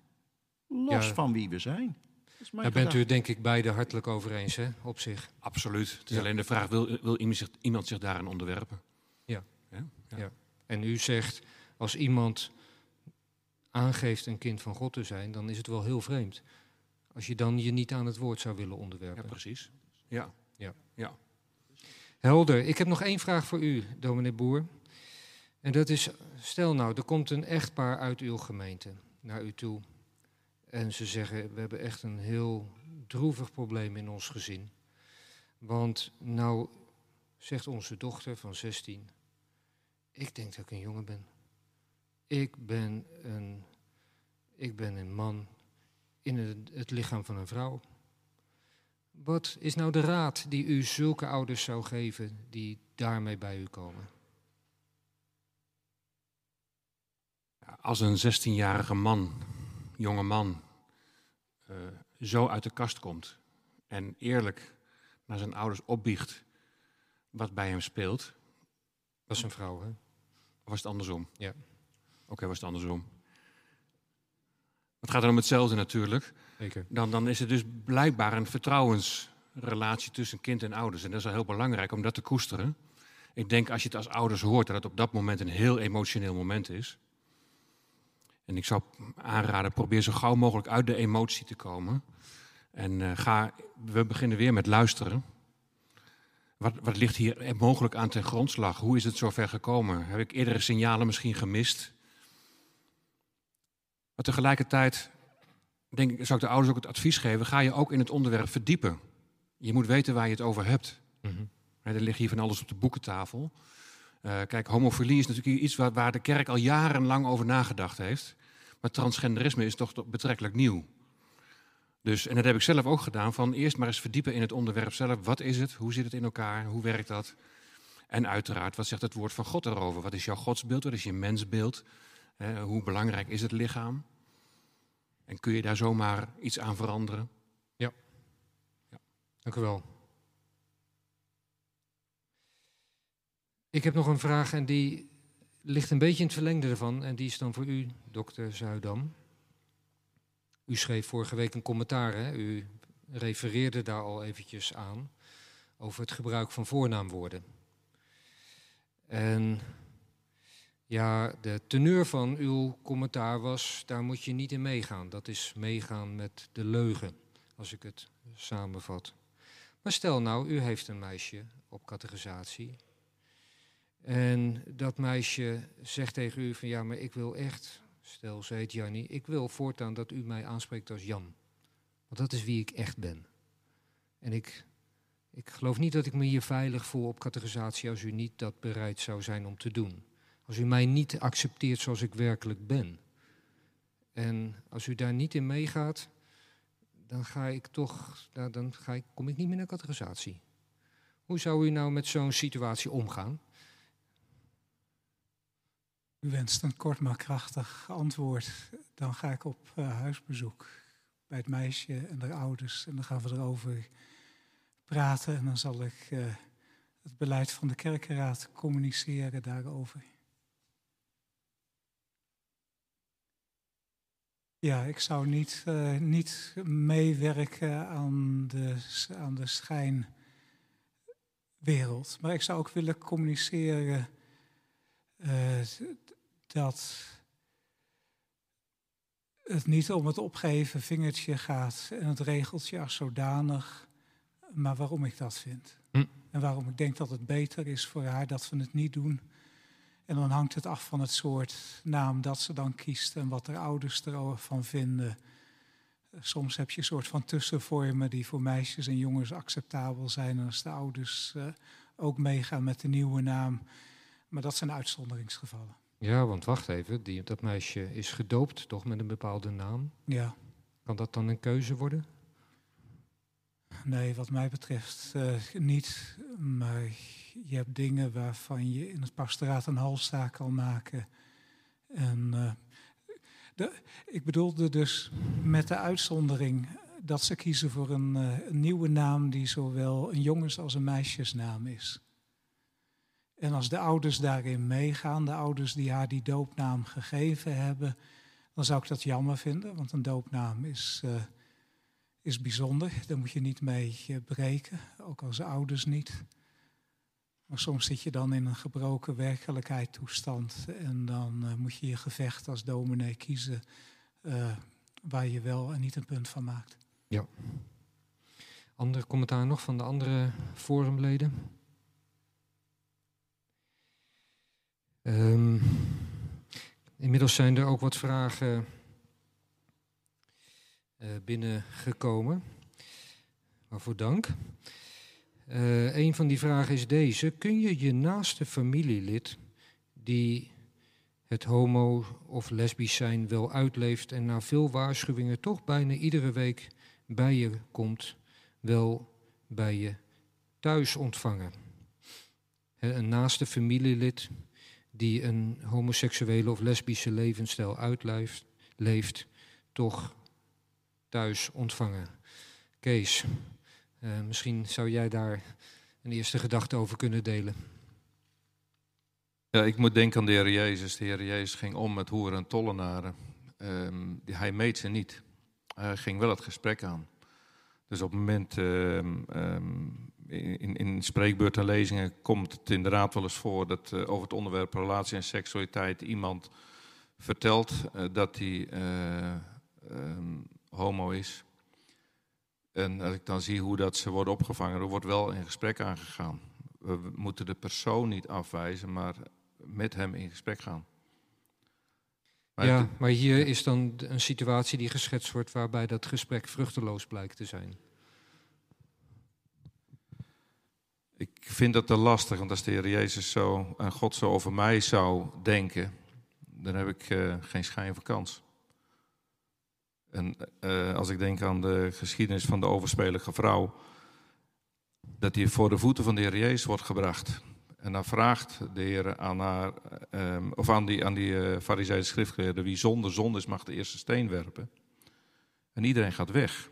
Maar zij had ook weg kunnen gaan, ze is blijven staan. En dan zegt de Heer, ga heen en zondig niet meer. Zij hebben u niet veroordeeld, ik veroordeel hem ook niet. Zij mag opnieuw beginnen. En ik denk, als ze terugkomt, mag ze weer opnieuw beginnen. Maar de, wij, wij moeten de persoon niet afschrijven. Dat zou ik niet doen. Nou ja, je mag uit de strekking van die geschiedenis, neem ik aan, aannemen dat die vrouw inderdaad niet meer met die zonde doorgegaan is. We weten het niet. De strekking is eh, wel zo, ja. Ja. Maar we weten het Maar goed, jouw boodschap is helder. Je moet wel in gesprek blijven, want dat geeft je ook de gelegenheid om te blijven spreken naar Gods woord. Zo vat ik je woorden dan op. Klopt. Nog commentaar vanuit, of op gedachten vanuit andere forumleden? Ja, zomaar één aanvullende opmerking. En die klonk ook uiteindelijk. eh, daar zat ik wel op te wachten. Dat voorbeeld van eh, bij die, die vrouw voor de Heer Jezus. Ik vind dat het zo treffend. En de kanttekening wijst daar ook op. Ook onze eh, eh, oude verklaarders. Die zetten daar eigenlijk een streepje onder. Dat de Heer Jezus enerzijds de persoon inderdaad niet afschrijft maar wel heel erg met klem daar een streepje onder zet, doch zondig niet meer. Dus dat moet er wel echt bij. Want anders zouden we het, denk ik, verkeerd verstaan. Dat zinnetje is wel de kern, zo zeggen de meeste verklaarders. En dat zomaar als eh, aanvullend daarop. Ja, helder.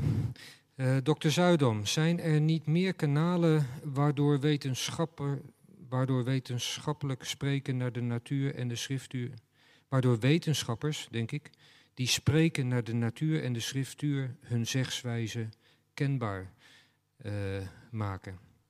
Dus of er, zo lees ik dan althans deze vragen, van wat zijn, eh, wat zijn de mogelijkheden om ook het wetenschappelijke spreken in overeenstemming met de natuur en de schriftuur, zoals u dat benadrukte, om ook, ja, om ook die z- zienswijzes ook kenbaar te maken, ook in de wetenschap. Die mogelijkheden zijn, eh, die worden steeds beperkter. Het kan nog wel, maar vergeleken met twintig jaar geleden wordt het steeds moeilijker om bijbelgetrouwe artikelen in wetenschappelijke tijdschriften te publiceren. Vooral nu de theologie vaak religiewetenschap is geworden en onder de menswetenschappen valt, dan is het in het Westen vaak de gedachte dat je de laatste drie of vier autoriteiten op het gebied verwerkt en daarop voortbouwt. En die zijn allemaal, die willen niks meer met de Bijbel te maken hebben. Dus als jij dat wel wil doen, ben je onwetenschappelijk bezig, word je niet gepubliceerd. Ter illustratie. Ik ben eh, tien jaar lang eh, bijzonder hoogleraar Nieuwe Testament geweest bij een universiteit in Zuid-Afrika. Toen heb ik onderzocht wat mijn collega's in dat toch vrij conservatieve land, vroeger in ieder geval, vonden over 1 Timotheus 2. Over die bekende tekst dat de vrouw in de gemeente zwijgen. Seksuele revolutie fase 1. Er was één collega en die zat bij mijn eigen faculteit. Die vond ook dat dat een tekst van vandaag was. Alle andere theologische faculteiten in Zuid-Afrika vonden het een verderfelijke tekst. Een zwarte bladzijde uit de geschiedenis van het christendom. Iets wat ons herinnerde aan hoe verschrikkelijk we vroeger waren. Dus uh, bid voor mensen die het nog wel proberen. de avond is gedaald. Ja, dank u wel. Hier is een vraag en die zal ik zelf denk ik even proberen te beantwoorden. Is er bij Bijbels beraad ook genoeg aandacht voor de psychische nood die vaak gepaard gaat met transgender, schuine streep, homogevoelens? Een goede vraag, terechte vraag ook wel, want het is inderdaad zeer juist dat die homoseksuele gevoelens of transgender gevoelens, die kunnen met uh, indringende psychische nood gepaard gaan. En die kunnen er ook mee samenhangen. Het is een bekend gegeven dat heel veel mensen met transgender gevoelens bijvoorbeeld ook uh, autisme hebben of andere problematieke, traumatische ervaringen en wat iets meer zijn. Dus die psychische kant van de nood is terdege van belang. En tegelijkertijd is er ook op dat vlak wel nood, omdat er nou ook niet heel veel uh, mensen zijn, hulpverleners, die dan ook op bijbelse basis uh, in die psychische nood willen ondersteunen. Wat de mainstream op dit moment doet, is juist bevestigen. Als iemand met die gevoelens loopt, zelfs als er onderliggende psychische problematiek speelt, dan wordt al snel geredeneerd dat dan die problematiek van uh, het tot het andere geslacht willen behoren, dat die, ja, dat die dan toch wel zo zwaar mag wegen, dat die dan ook als zodanig behandeld moet worden. Lees dat het goed is en verantwoord om in transitie te gaan. Dus een van de dingen die wij in ons beleidsplan hebben staan, is dat we willen werken aan een beter netwerk ook van hulpverleners die op bijbelse basis ook mensen die met hun gevoelens worstelen uh, ook kunnen ondersteunen. En die zijn er op dit moment helemaal niet zo heel veel.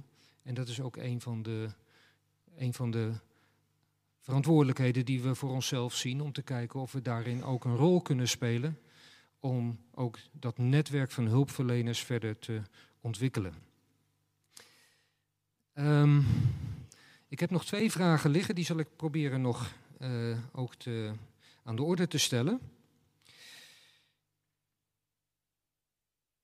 Ondernemen, ja, die is dan misschien ook wel een vraag die ik zelf moet proberen te beantwoorden. Ondernemen jullie als Bijbelsberaadman vrouw ook acties naar de politiek tegen deze wetsvoorstellen om Bijbelse waarden en normen te verwerpen? Het antwoord daarop is kort dat uh, aan één kant wij zien het als onze primaire taak om de uh, kerken en scholen toe te rusten. Dat is onze eerste taak. En daar zijn we best ook uh, druk mee, kan ik u zeggen. Tegelijkertijd zijn we wel betrokken, uh, ook wanneer het gaat om be, politieke beïnvloeding, bijvoorbeeld. U heeft de gendertwijfelcampagne misschien gezien een paar maanden geleden, hè, die bushokjes, waar dan ook tegen de transgenderwet geageerd eh, werd die voorlag, die het mogelijk maakt dat ook minderjarigen zonder deskundige verklaring hun geslacht bij de burgerlijke stand kunnen aanpassen. Um, nou, wij waren betrokken bij het organiseren van die campagne. Uh, die leidde er ook toe dat dat Tweede Kamerdebat een heel beladen debat werd, wat misschien anders een hamerstuk had zullen zijn. En inmiddels is de verdere behandeling daarvan een aantal keer uitgesteld. Dus het, dat was voor ons ook wel bemoedigend om te merken dat soms je toch ook wel die mogelijkheden hebt um, om daarmee ook de meningvorming te, be, te beïnvloeden. En tegelijkertijd wil ik wel benadrukken, wij zien het als onze eerste verantwoordelijkheid om onze eigen gezinnen, eigen gemeenten, eigen scholen goed toe te rusten, want dat is nodig in deze tijd. Het is nodig om te begrijpen wat er gebeurt in de samenleving, maar het is ook nodig om te begrijpen hoe je nou heel concreet, ook pastoraal, maar ook naar Gods woord omgaat, bijvoorbeeld met mensen met homoseksuele gevoelens, waar een deel van de discussie hier ook uh, bij dit forum over ging. Nou, tenslotte nog een ingewikkelde casus die ik aan het forum zal voorleggen. Er is een getrouwd homostel. Beiden zijn seksueel misbruikt vanaf hun vroege kinderjaren. Nu is duidelijk dat er een genderimprint is geëist van de dader. Het huwelijk is wel gebaseerd op liefde en in liefde samengekomen. Nu na therapie ook wel eigen gender willen zijn. Wat nu met het huwelijk op Bijbels perspectief? Dus ik vertaal het maar eventjes uh, zo. Dat hier is nou een situatie waarbij er uh, twee mannen uh, samenleven. Uiteindelijk blijkt dat bij beiden misbruik een factor is geweest in hun vroege jeugd, wat hun gevoelens ook heeft helpen misvormen, om het zo te zeggen. Maar nu leven ze samen. Um, en, en daar is op zich, mag er iets zijn van liefde en trouw in die relatie. En hoe ga je daar dan mee om? Omdat het tegelijkertijd ook wel duidelijk is dat dat een, geen huwelijk is naar bijbelse maatstaven. Nou, dat is een hele ingewikkelde vraag. Um, die laat ik dat ook wel benadrukken. Dat is de uitzondering van de uitzonderingen. Uh, dus ik geloof niet dat het het grootste doel is van deze avond om deze casus bevredigend uh, tot een afronding te brengen. Als dat al zou kunnen, want ook hier geldt luisteren, spreken en, uh, en ook de zaak de heren voorleggen uh, om, en vragen om wijsheid. Dat zal vast wel nodig zijn. Maar dominee de Waard, wat zou... Ik vind deze een, een hele ingewikkelde.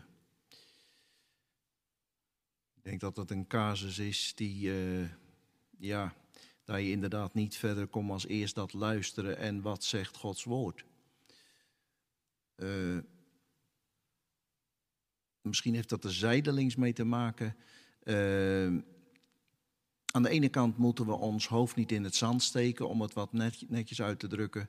Aan de andere kant heb ik soms ook het idee, en ik meende dat ook te proeven in de lezing van dokter Zuidam, uh, als je de werkelijke getallen ziet, dan moeten we ook nuchter onder zijn. Ik zeg niet dat het alleen maar gestimuleerd wordt door alle aandacht, maar we moeten wel heel voorzichtig blijven. Tegelijk, het zien, maar tegelijkertijd ook weer ja, terug naar het woord. Maar deze casus vind ik wat lastiger. Misschien dat er anderen uh, hun licht over kunnen laten schijnen.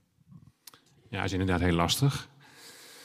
En uh, je kunt daar ook niet zomaar even heel kort en goed antwoord op geven, dat begrijp ik. Maar één, dingetje wat me net wel even trof. U zei van, en wat nu met het huwelijk? Nou, ik erken een huwelijk tussen man en man erken ik niet als huwelijk.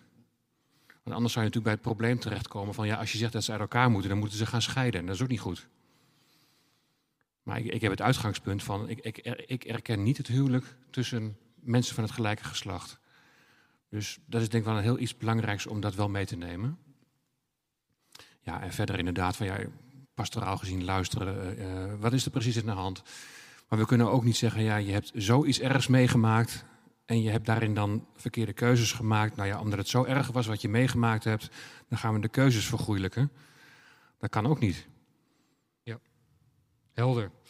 Ik sluit af met een paar slotvragen en ik vraag om een zo mogelijk kort antwoord. Kees, jij bent nog niet zo heel vaak aan het woord geweest. Hoe moeten wij nou als gewone christenen en gewone burgers van deze samenleving ons uitspreken over deze dingen waar het vanavond over gaat? als je nou geen predikant bent, maar je studeert gewoon op een universiteit, of je werkt als ambtenaar bij de overheid, of je, je geeft les op een christelijke school. Wat moet nou je basishouding zijn in deze vreemde nieuwe wereld als het gaat over deze problematiek? Nou ik ben geen predikant, dus um, dat betekent dat ik uh, daar ook um, lastig vind om uh, pastoraal een antwoord te geven. Ik denk wel dat wij elkaar ontzettend hard nodig hebben als christenen. En eerlijk zijn. Um, want als, ik zou zomaar de vraag voor kunnen stellen van als Logos Instituut, het wetenschappelijk instituut waar ik directeur van ben, en Kies Leven, wat zit er daar voor raakvlakken aan? Als aan de ene kant Genesis 1, uh, de eerste hoofdstukken van Genesis niet de waarheid is, waar begint dan wel de waarheid? En wie bepaalt dan wat waar is? Dus we moeten terug naar uh, de Bijbel als uitgangspunt, als waarheid. En ik denk dat we daar uh, elkaar ontzettend hard nodig hebben als um, ouderen op het werk, of dat je nou, um, ja, je noemde net wat vakken, wat beroepen, dat je durft te vertellen wat je gelooft. En het is heel lastig.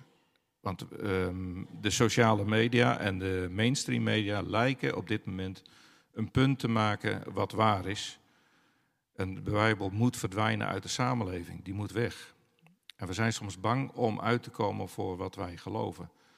En ik denk dat we dat hard nodig hebben uh, naar elkaar toe, maar ook samen te bidden, samen te beleiden. En dat vind ik het mooie van deze avond, dat we eigenlijk over kerkmuren heen bij elkaar zitten. Dat zou mijn standpunt uh, ja, dus vrijmoedig uitkomen ja. waar we voor staan, zegt u. Uh, Dokter Zuidam, u schetste de vreemde nieuwe wereld waar we in terecht zijn gekomen en u sprak over natuur en schriftuur als de belangrijke bronnen, kenbronnen van waarheid. Maar zijn we nou al ongeveer bij het einde gekomen van al die ontwikkelingen? Of of gaat, dit nou, gaat deze gekte de komende 15, 20 jaar naar uw gedachten gewoon door en gaan we nog veel meer meemaken wat we nu niet kunnen verzinnen? Het korte en krachtige antwoord is ja en nee. Als ik dat iets aanvul, dan heb ik enige hoop dat de economische rekening van dit alles zo onbetaalbaar gaat worden dat deze toren van Babel ook niet wordt. Want uh, laten we wel zijn, alleen hele rijke westerse landen kunnen dit soort praktijken betalen. Hm. In Afrika, uh, de lachen ze je uit. Ja.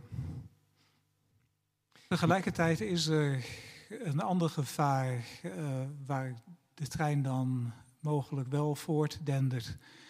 En dat is dat deze dingen verder gaan met kunstmatige superintelligentie en transhumanisme. En uh, we zijn sowieso al flink op weg naar de mens der verderfenis uit Thessalonicense, die uh, zichzelf tot God is en geen God boven zich duldt. Dus, uh, dus, u, dus u ziet transgenderisme ook wel als een wegbereider voor transhumanisme? Ja. Helder. Laatste vraag voor de dominee De Waard en dominee Boer samen. Als het nou gaat hè, over de onderwerpen waar we het vanavond over hebben gehad.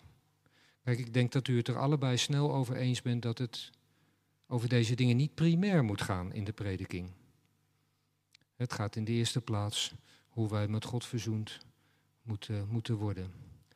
Maar dat gezegd hebbend, wat is nou de manier om toch ook voldoende aandacht te besteden aan deze thematiek in de prediking? Dominee de Waard. Mag ik dat heel kort samenvatten? Dat is ook de bedoeling, denk ik. Uh, ik heb een boekje meegebracht. Daar ga ik verder niet uit citeren, want dat sloot aan bij datgene wat ik zelf zat te overdenken. De apostel Paulus zegt in een van zijn brieven aan Timotheus dezelfde reeks als die de Jezus voorzegd heeft. In het laatste der dagen zult gij, en dan weten we dat laatste der dagen, dat ligt in Gods hand dan zult gezien. En er wordt een hele reeks genoemd. En opmerkelijk dat apostel Paulus daar er één aan toevoegt. En dat is, dan zullen de mensen worden liefhebbers van zichzelf. Uh, nou, recent door de Bijbellezing uit Openbaring haal ik deze woorden nogal eens aan. En tot mijn verbazing in mijn persoonlijk lezen kwam ik bij de op Urk wel bekende dominee J. Westerink en die heeft een prachtig boekje geschreven over Daniel. En in een van zijn hoofdstukjes gaat hij daarop in. En dan opmerkelijk in zijn tijd, toen hij dit geschreven heeft, gaat hij eigenlijk diezelfde zaken die vanavond aan de orde gekomen zijn, in andere woorden weliswaar, benoemen. En dan ligt hij ook die eruit. Zou niet een groot punt zijn dat de mens wordt liefhebber van zichzelf? Het vreemde moet normaal worden. En wat volgens Gods woord en inzetting normaal was, wordt als vreemd weggezet. En dat heeft mij heel erg getroffen. En ja, dat wil ik toch. Ik, ik hoopte dat ik er even gelegenheid voor kreeg om dat te zeggen. En dat sluit wel weer aan bij de opening van vanavond. Het volk had te letten op, alzo zegt de Heere. Ik denk dat dat het uitgangspunt in de prediking maar steeds weer moet zijn. Wat zegt de Heere om daarop te letten? Ja. Meneer Boer, hartelijk mee eens? Absoluut. En uh, ik denk dat het heel belangrijk is om de gemeente ook toe te rusten in deze onderwerpen. Ik heb vorig jaar uh, vijf avonden in de gemeente verzorgd, uh, vijf studieavonden over de onderwerpen huwelijk, ongehuwd samenwonen, echtscheiding hertrouwen, maar ook homofilie en transgenderisme. Want ik merk wel van um, dat uh, heel vaak dan bijvoorbeeld uh, jongeren zeggen van we gaan samenwonen. En dan zeggen ouders ja dat mag niet. Maar dan vragen ze waarom dan niet? Ja dat is gewoon niet goed. Want God wil dat niet zo. Ja maar waarom dan niet? En dan weten ze het heel moeilijk uit te leggen. En ik denk dat inderdaad dat we toegerust moeten worden, ook in de onderwerpen van homofilie en transgenderisme. Waar gaat het over en wat zegt het woord erover? En dat we dat goed kunnen onderbouwen. En um, ik denk ook in de prediking dat er aandacht voor moet zijn. En ik merk daar zelf al de strijd in. Ik was onlangs in een gemeente. En toen zei ik in de preek van het huwelijk is bestemd voor man en vrouw. En seksualiteit binnen de grenzen van het huwelijk. En er was gelijk een echtpaar dat tijdens de preek opstapte. En naar huis ging. Dus in die tijd leven we, maar we moeten het wel benoemen. Want we kunnen er niet zomaar van uitgaan dat het bij de jongeren bijvoorbeeld zomaar vanzelfsprekend is dat ze weten waar het over gaat. Want zij zitten de hele dag op hun school en ze horen hele andere dingen. Ik ben pas nog bij een avond van 18-plussers geweest. Toen heb ik van hun gehoord van hoe ze zich op school moeten verdedigen. Hoe ze continu in de hoek gedrukt worden en dat ze eigenlijk hun mening over dit soort zaken niet meer mogen zeggen. Ja, hartelijk dank voor uh, deze bijdrages en dan sluiten we daarmee het, uh, het forum. Dan geef ik nu het woord aan dominee van der Kieften.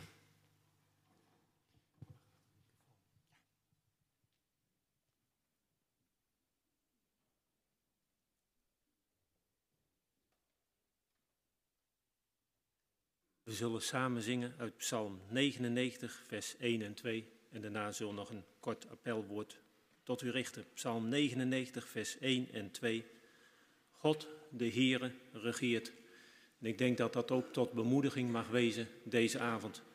Dat niet de, de mensen die achter heel die genderideologie zitten regeren, maar dat de Heere altijd het eerste en het laatste woord is en of het nu in het gezin of in het pastoraat is, of wanneer we zelf met allerlei moeilijke gevoelens rondlopen, God die helpt in nood. Psalm 99, vers 1 en 2.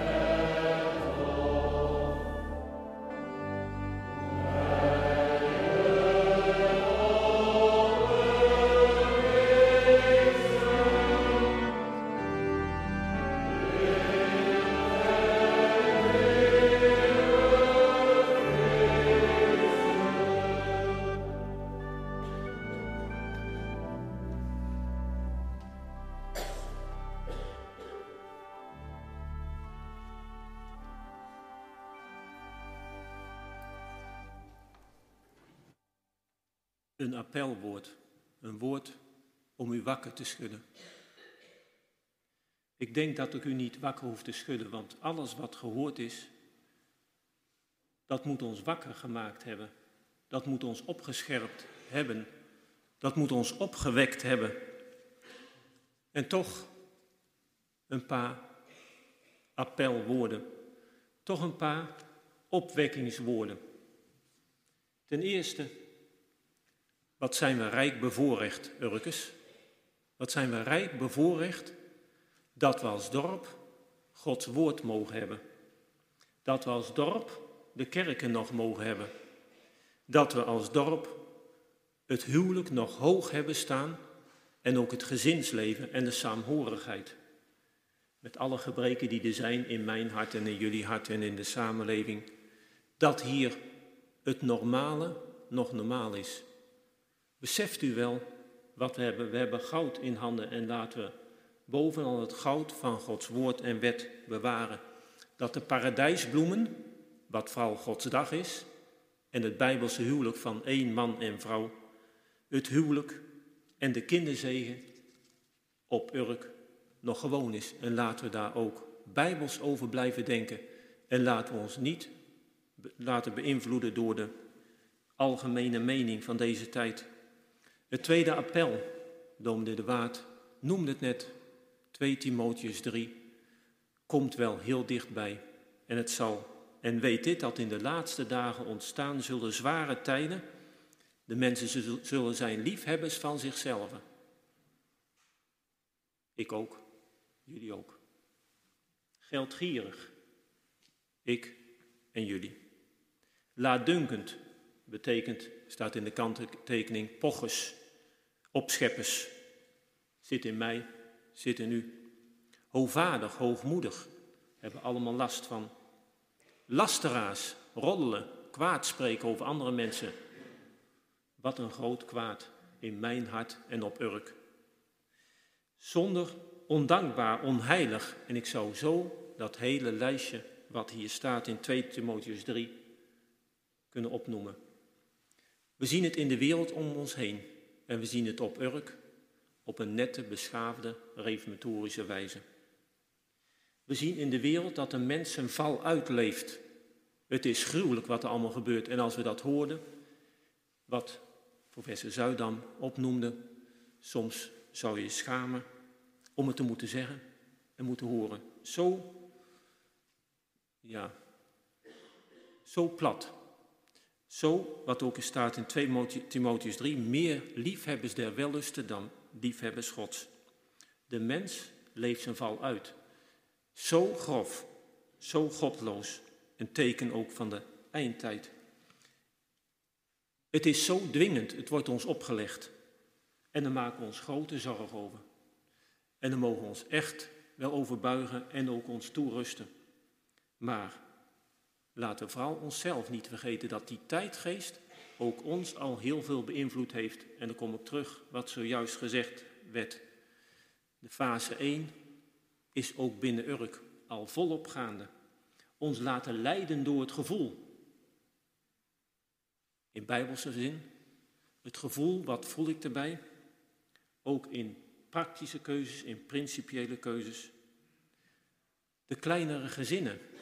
Hoe komt het dat er zoveel kleinere gezinnen zijn veel kleiner dan vroeger, hebben bij ons dan ook de voorbehoedsmiddelen al ingang gekregen. Emancipatie van de vrouw, de werkende vrouwen.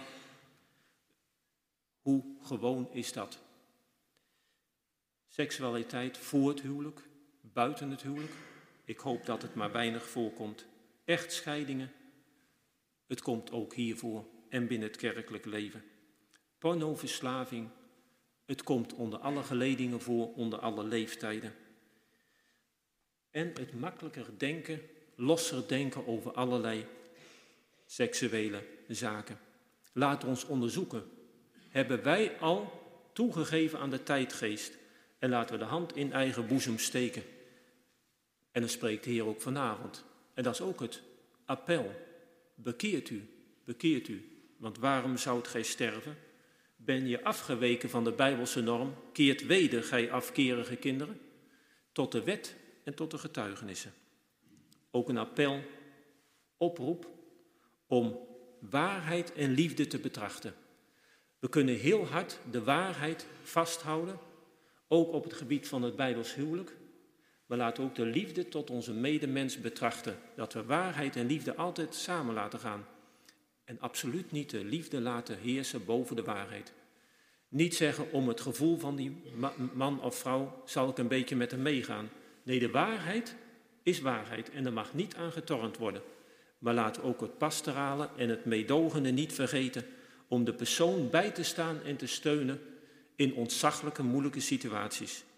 Want als nu de waarheid met liefde neergelegd wordt, dan is de hoop dat onze jongere, oudere gemeentelid, dat die zich ook wil buigen onder Gods woord.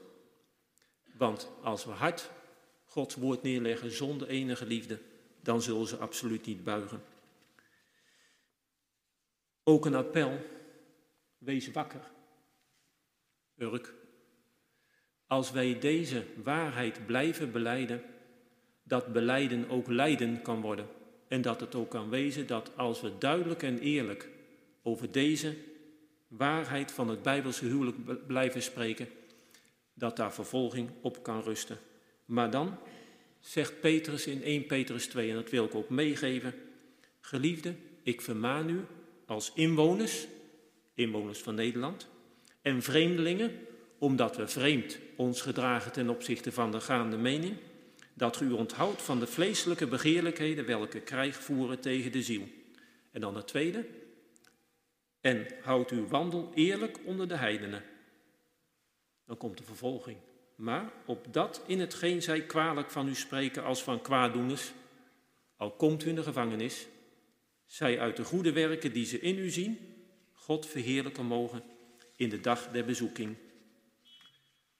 Ten slotte, nog één appelwoord. De mens leeft zijn val uit.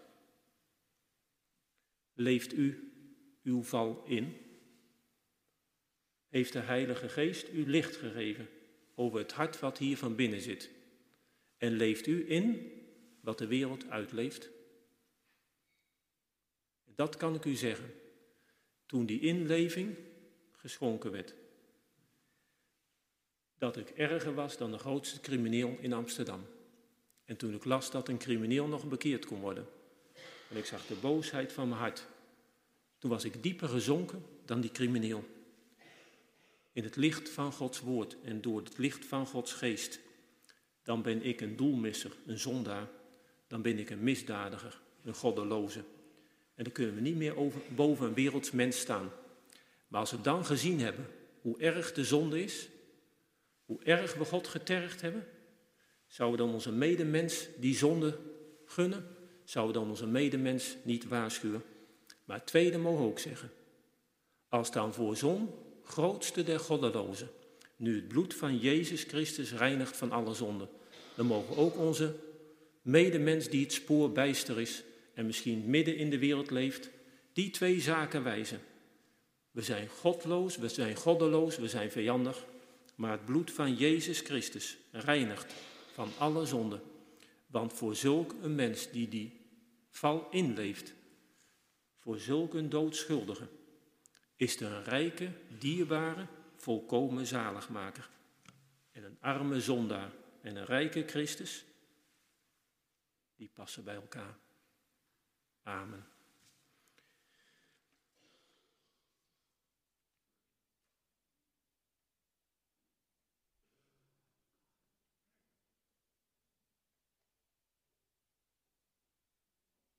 Dan zal proponent van de Wal met ons de avond afsluiten. Ik wijs nog op twee dingen. Bij de uitgang krijgt u gelegenheid om uh, uh, voor de collecte te geven. En daarbij krijgt u nog een brochure mee van Bijbelsberaad man-vrouw. En daar staat een heel kort bestek over de thema's die nu langsgekomen zijn. Zeg maar samenvatting van de Bijbelse lijn. Dus uh, nou, zorgt u dat u die allemaal meekrijgt. En als u er meer exemplaren wilt, dan kunt u die ook nog meekrijgen bij de boekentafel. Geef ik nu graag het woord. Van der Wal, dus ik Nee, Mane gaat al lang mee op Urk, dat u het weet. Maar hij is pastoraal werker bij de hervormde gemeente De Ark.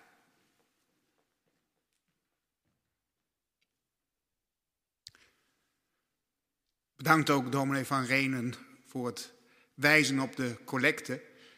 Uh, u hebt al een schouderklopje gehad, dokter Zuidam, maar ik wou u ook nog bedanken voor de tijdreden die u gehouden hebt. Ook de leden van het Forum en allen die deze avond mogelijk gemaakt hebben. Ik kijk ook even naar broeder Loosman achter het orgel. Hartelijk dank. Ik hoop dat ik voor u allen spreek dat ik het een zeer leerzame en ook ja, fijne avond vond. We willen samen nu ook zingen van de avondzang. Daarvan zingen we vers 5, 6 en 7.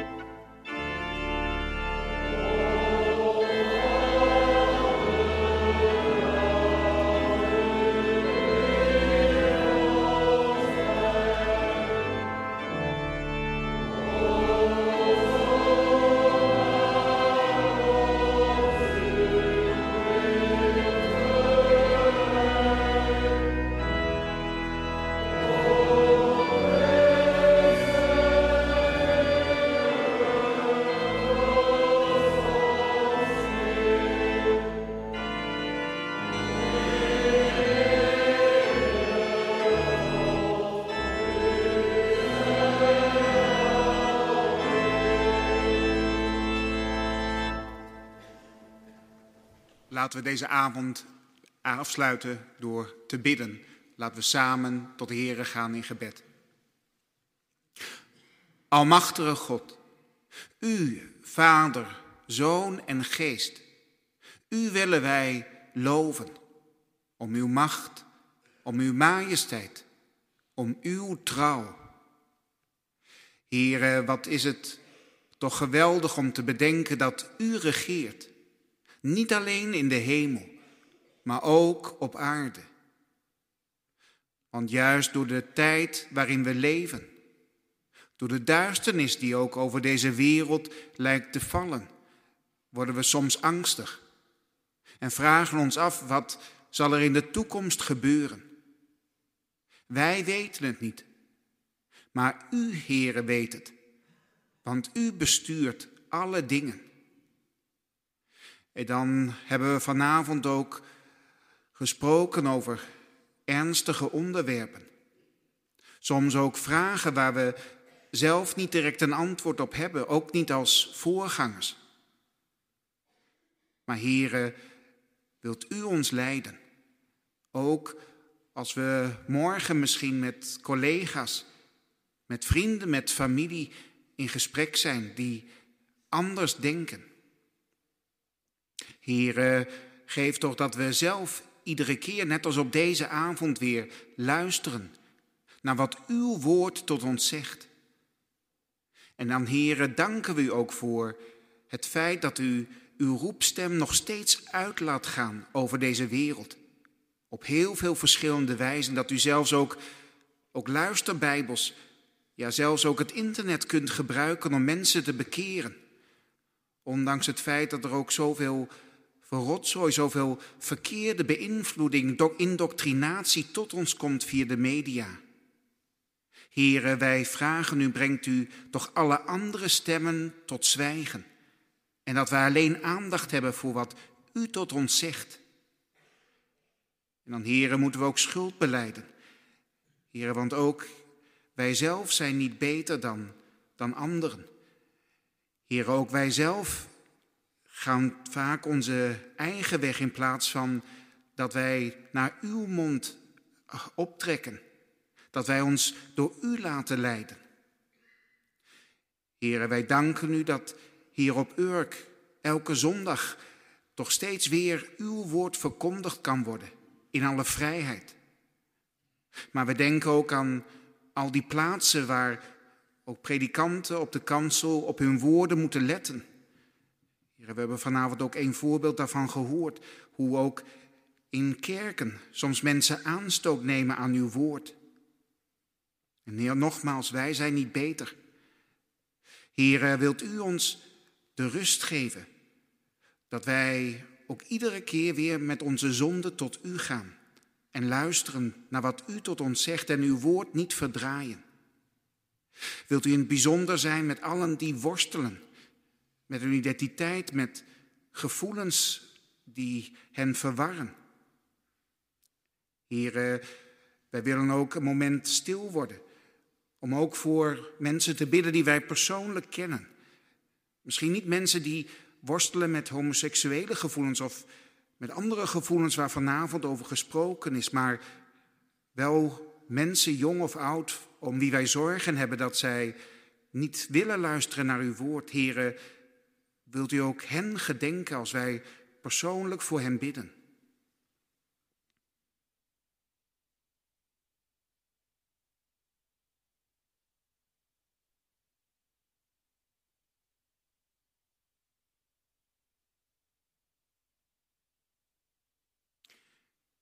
Heer, u kent degene voor wie wij gebeden hebben. En gelukkig mochten we ook vanavond horen dat het gebed niet krachteloos is, maar dat u mensen kunt veranderen. Heer, wilt u toch steeds weer ons als arme zondaren bij uw Zoon Jezus Christus brengen, die ons rijk wilt maken. En niet alleen ons, maar allen die tot het kruis vluchten. Wilt u dan ook in deze nacht over ons waken en ons morgen weer in gezondheid doen opstaan? Heer, wilt u onze gebeden verhoren, niet omdat wij er recht op hebben, maar omdat wij het u vragen in de vergeving van onze schuld door Jezus Christus, onze Heer. Amen. Ik wens u allen wel thuis.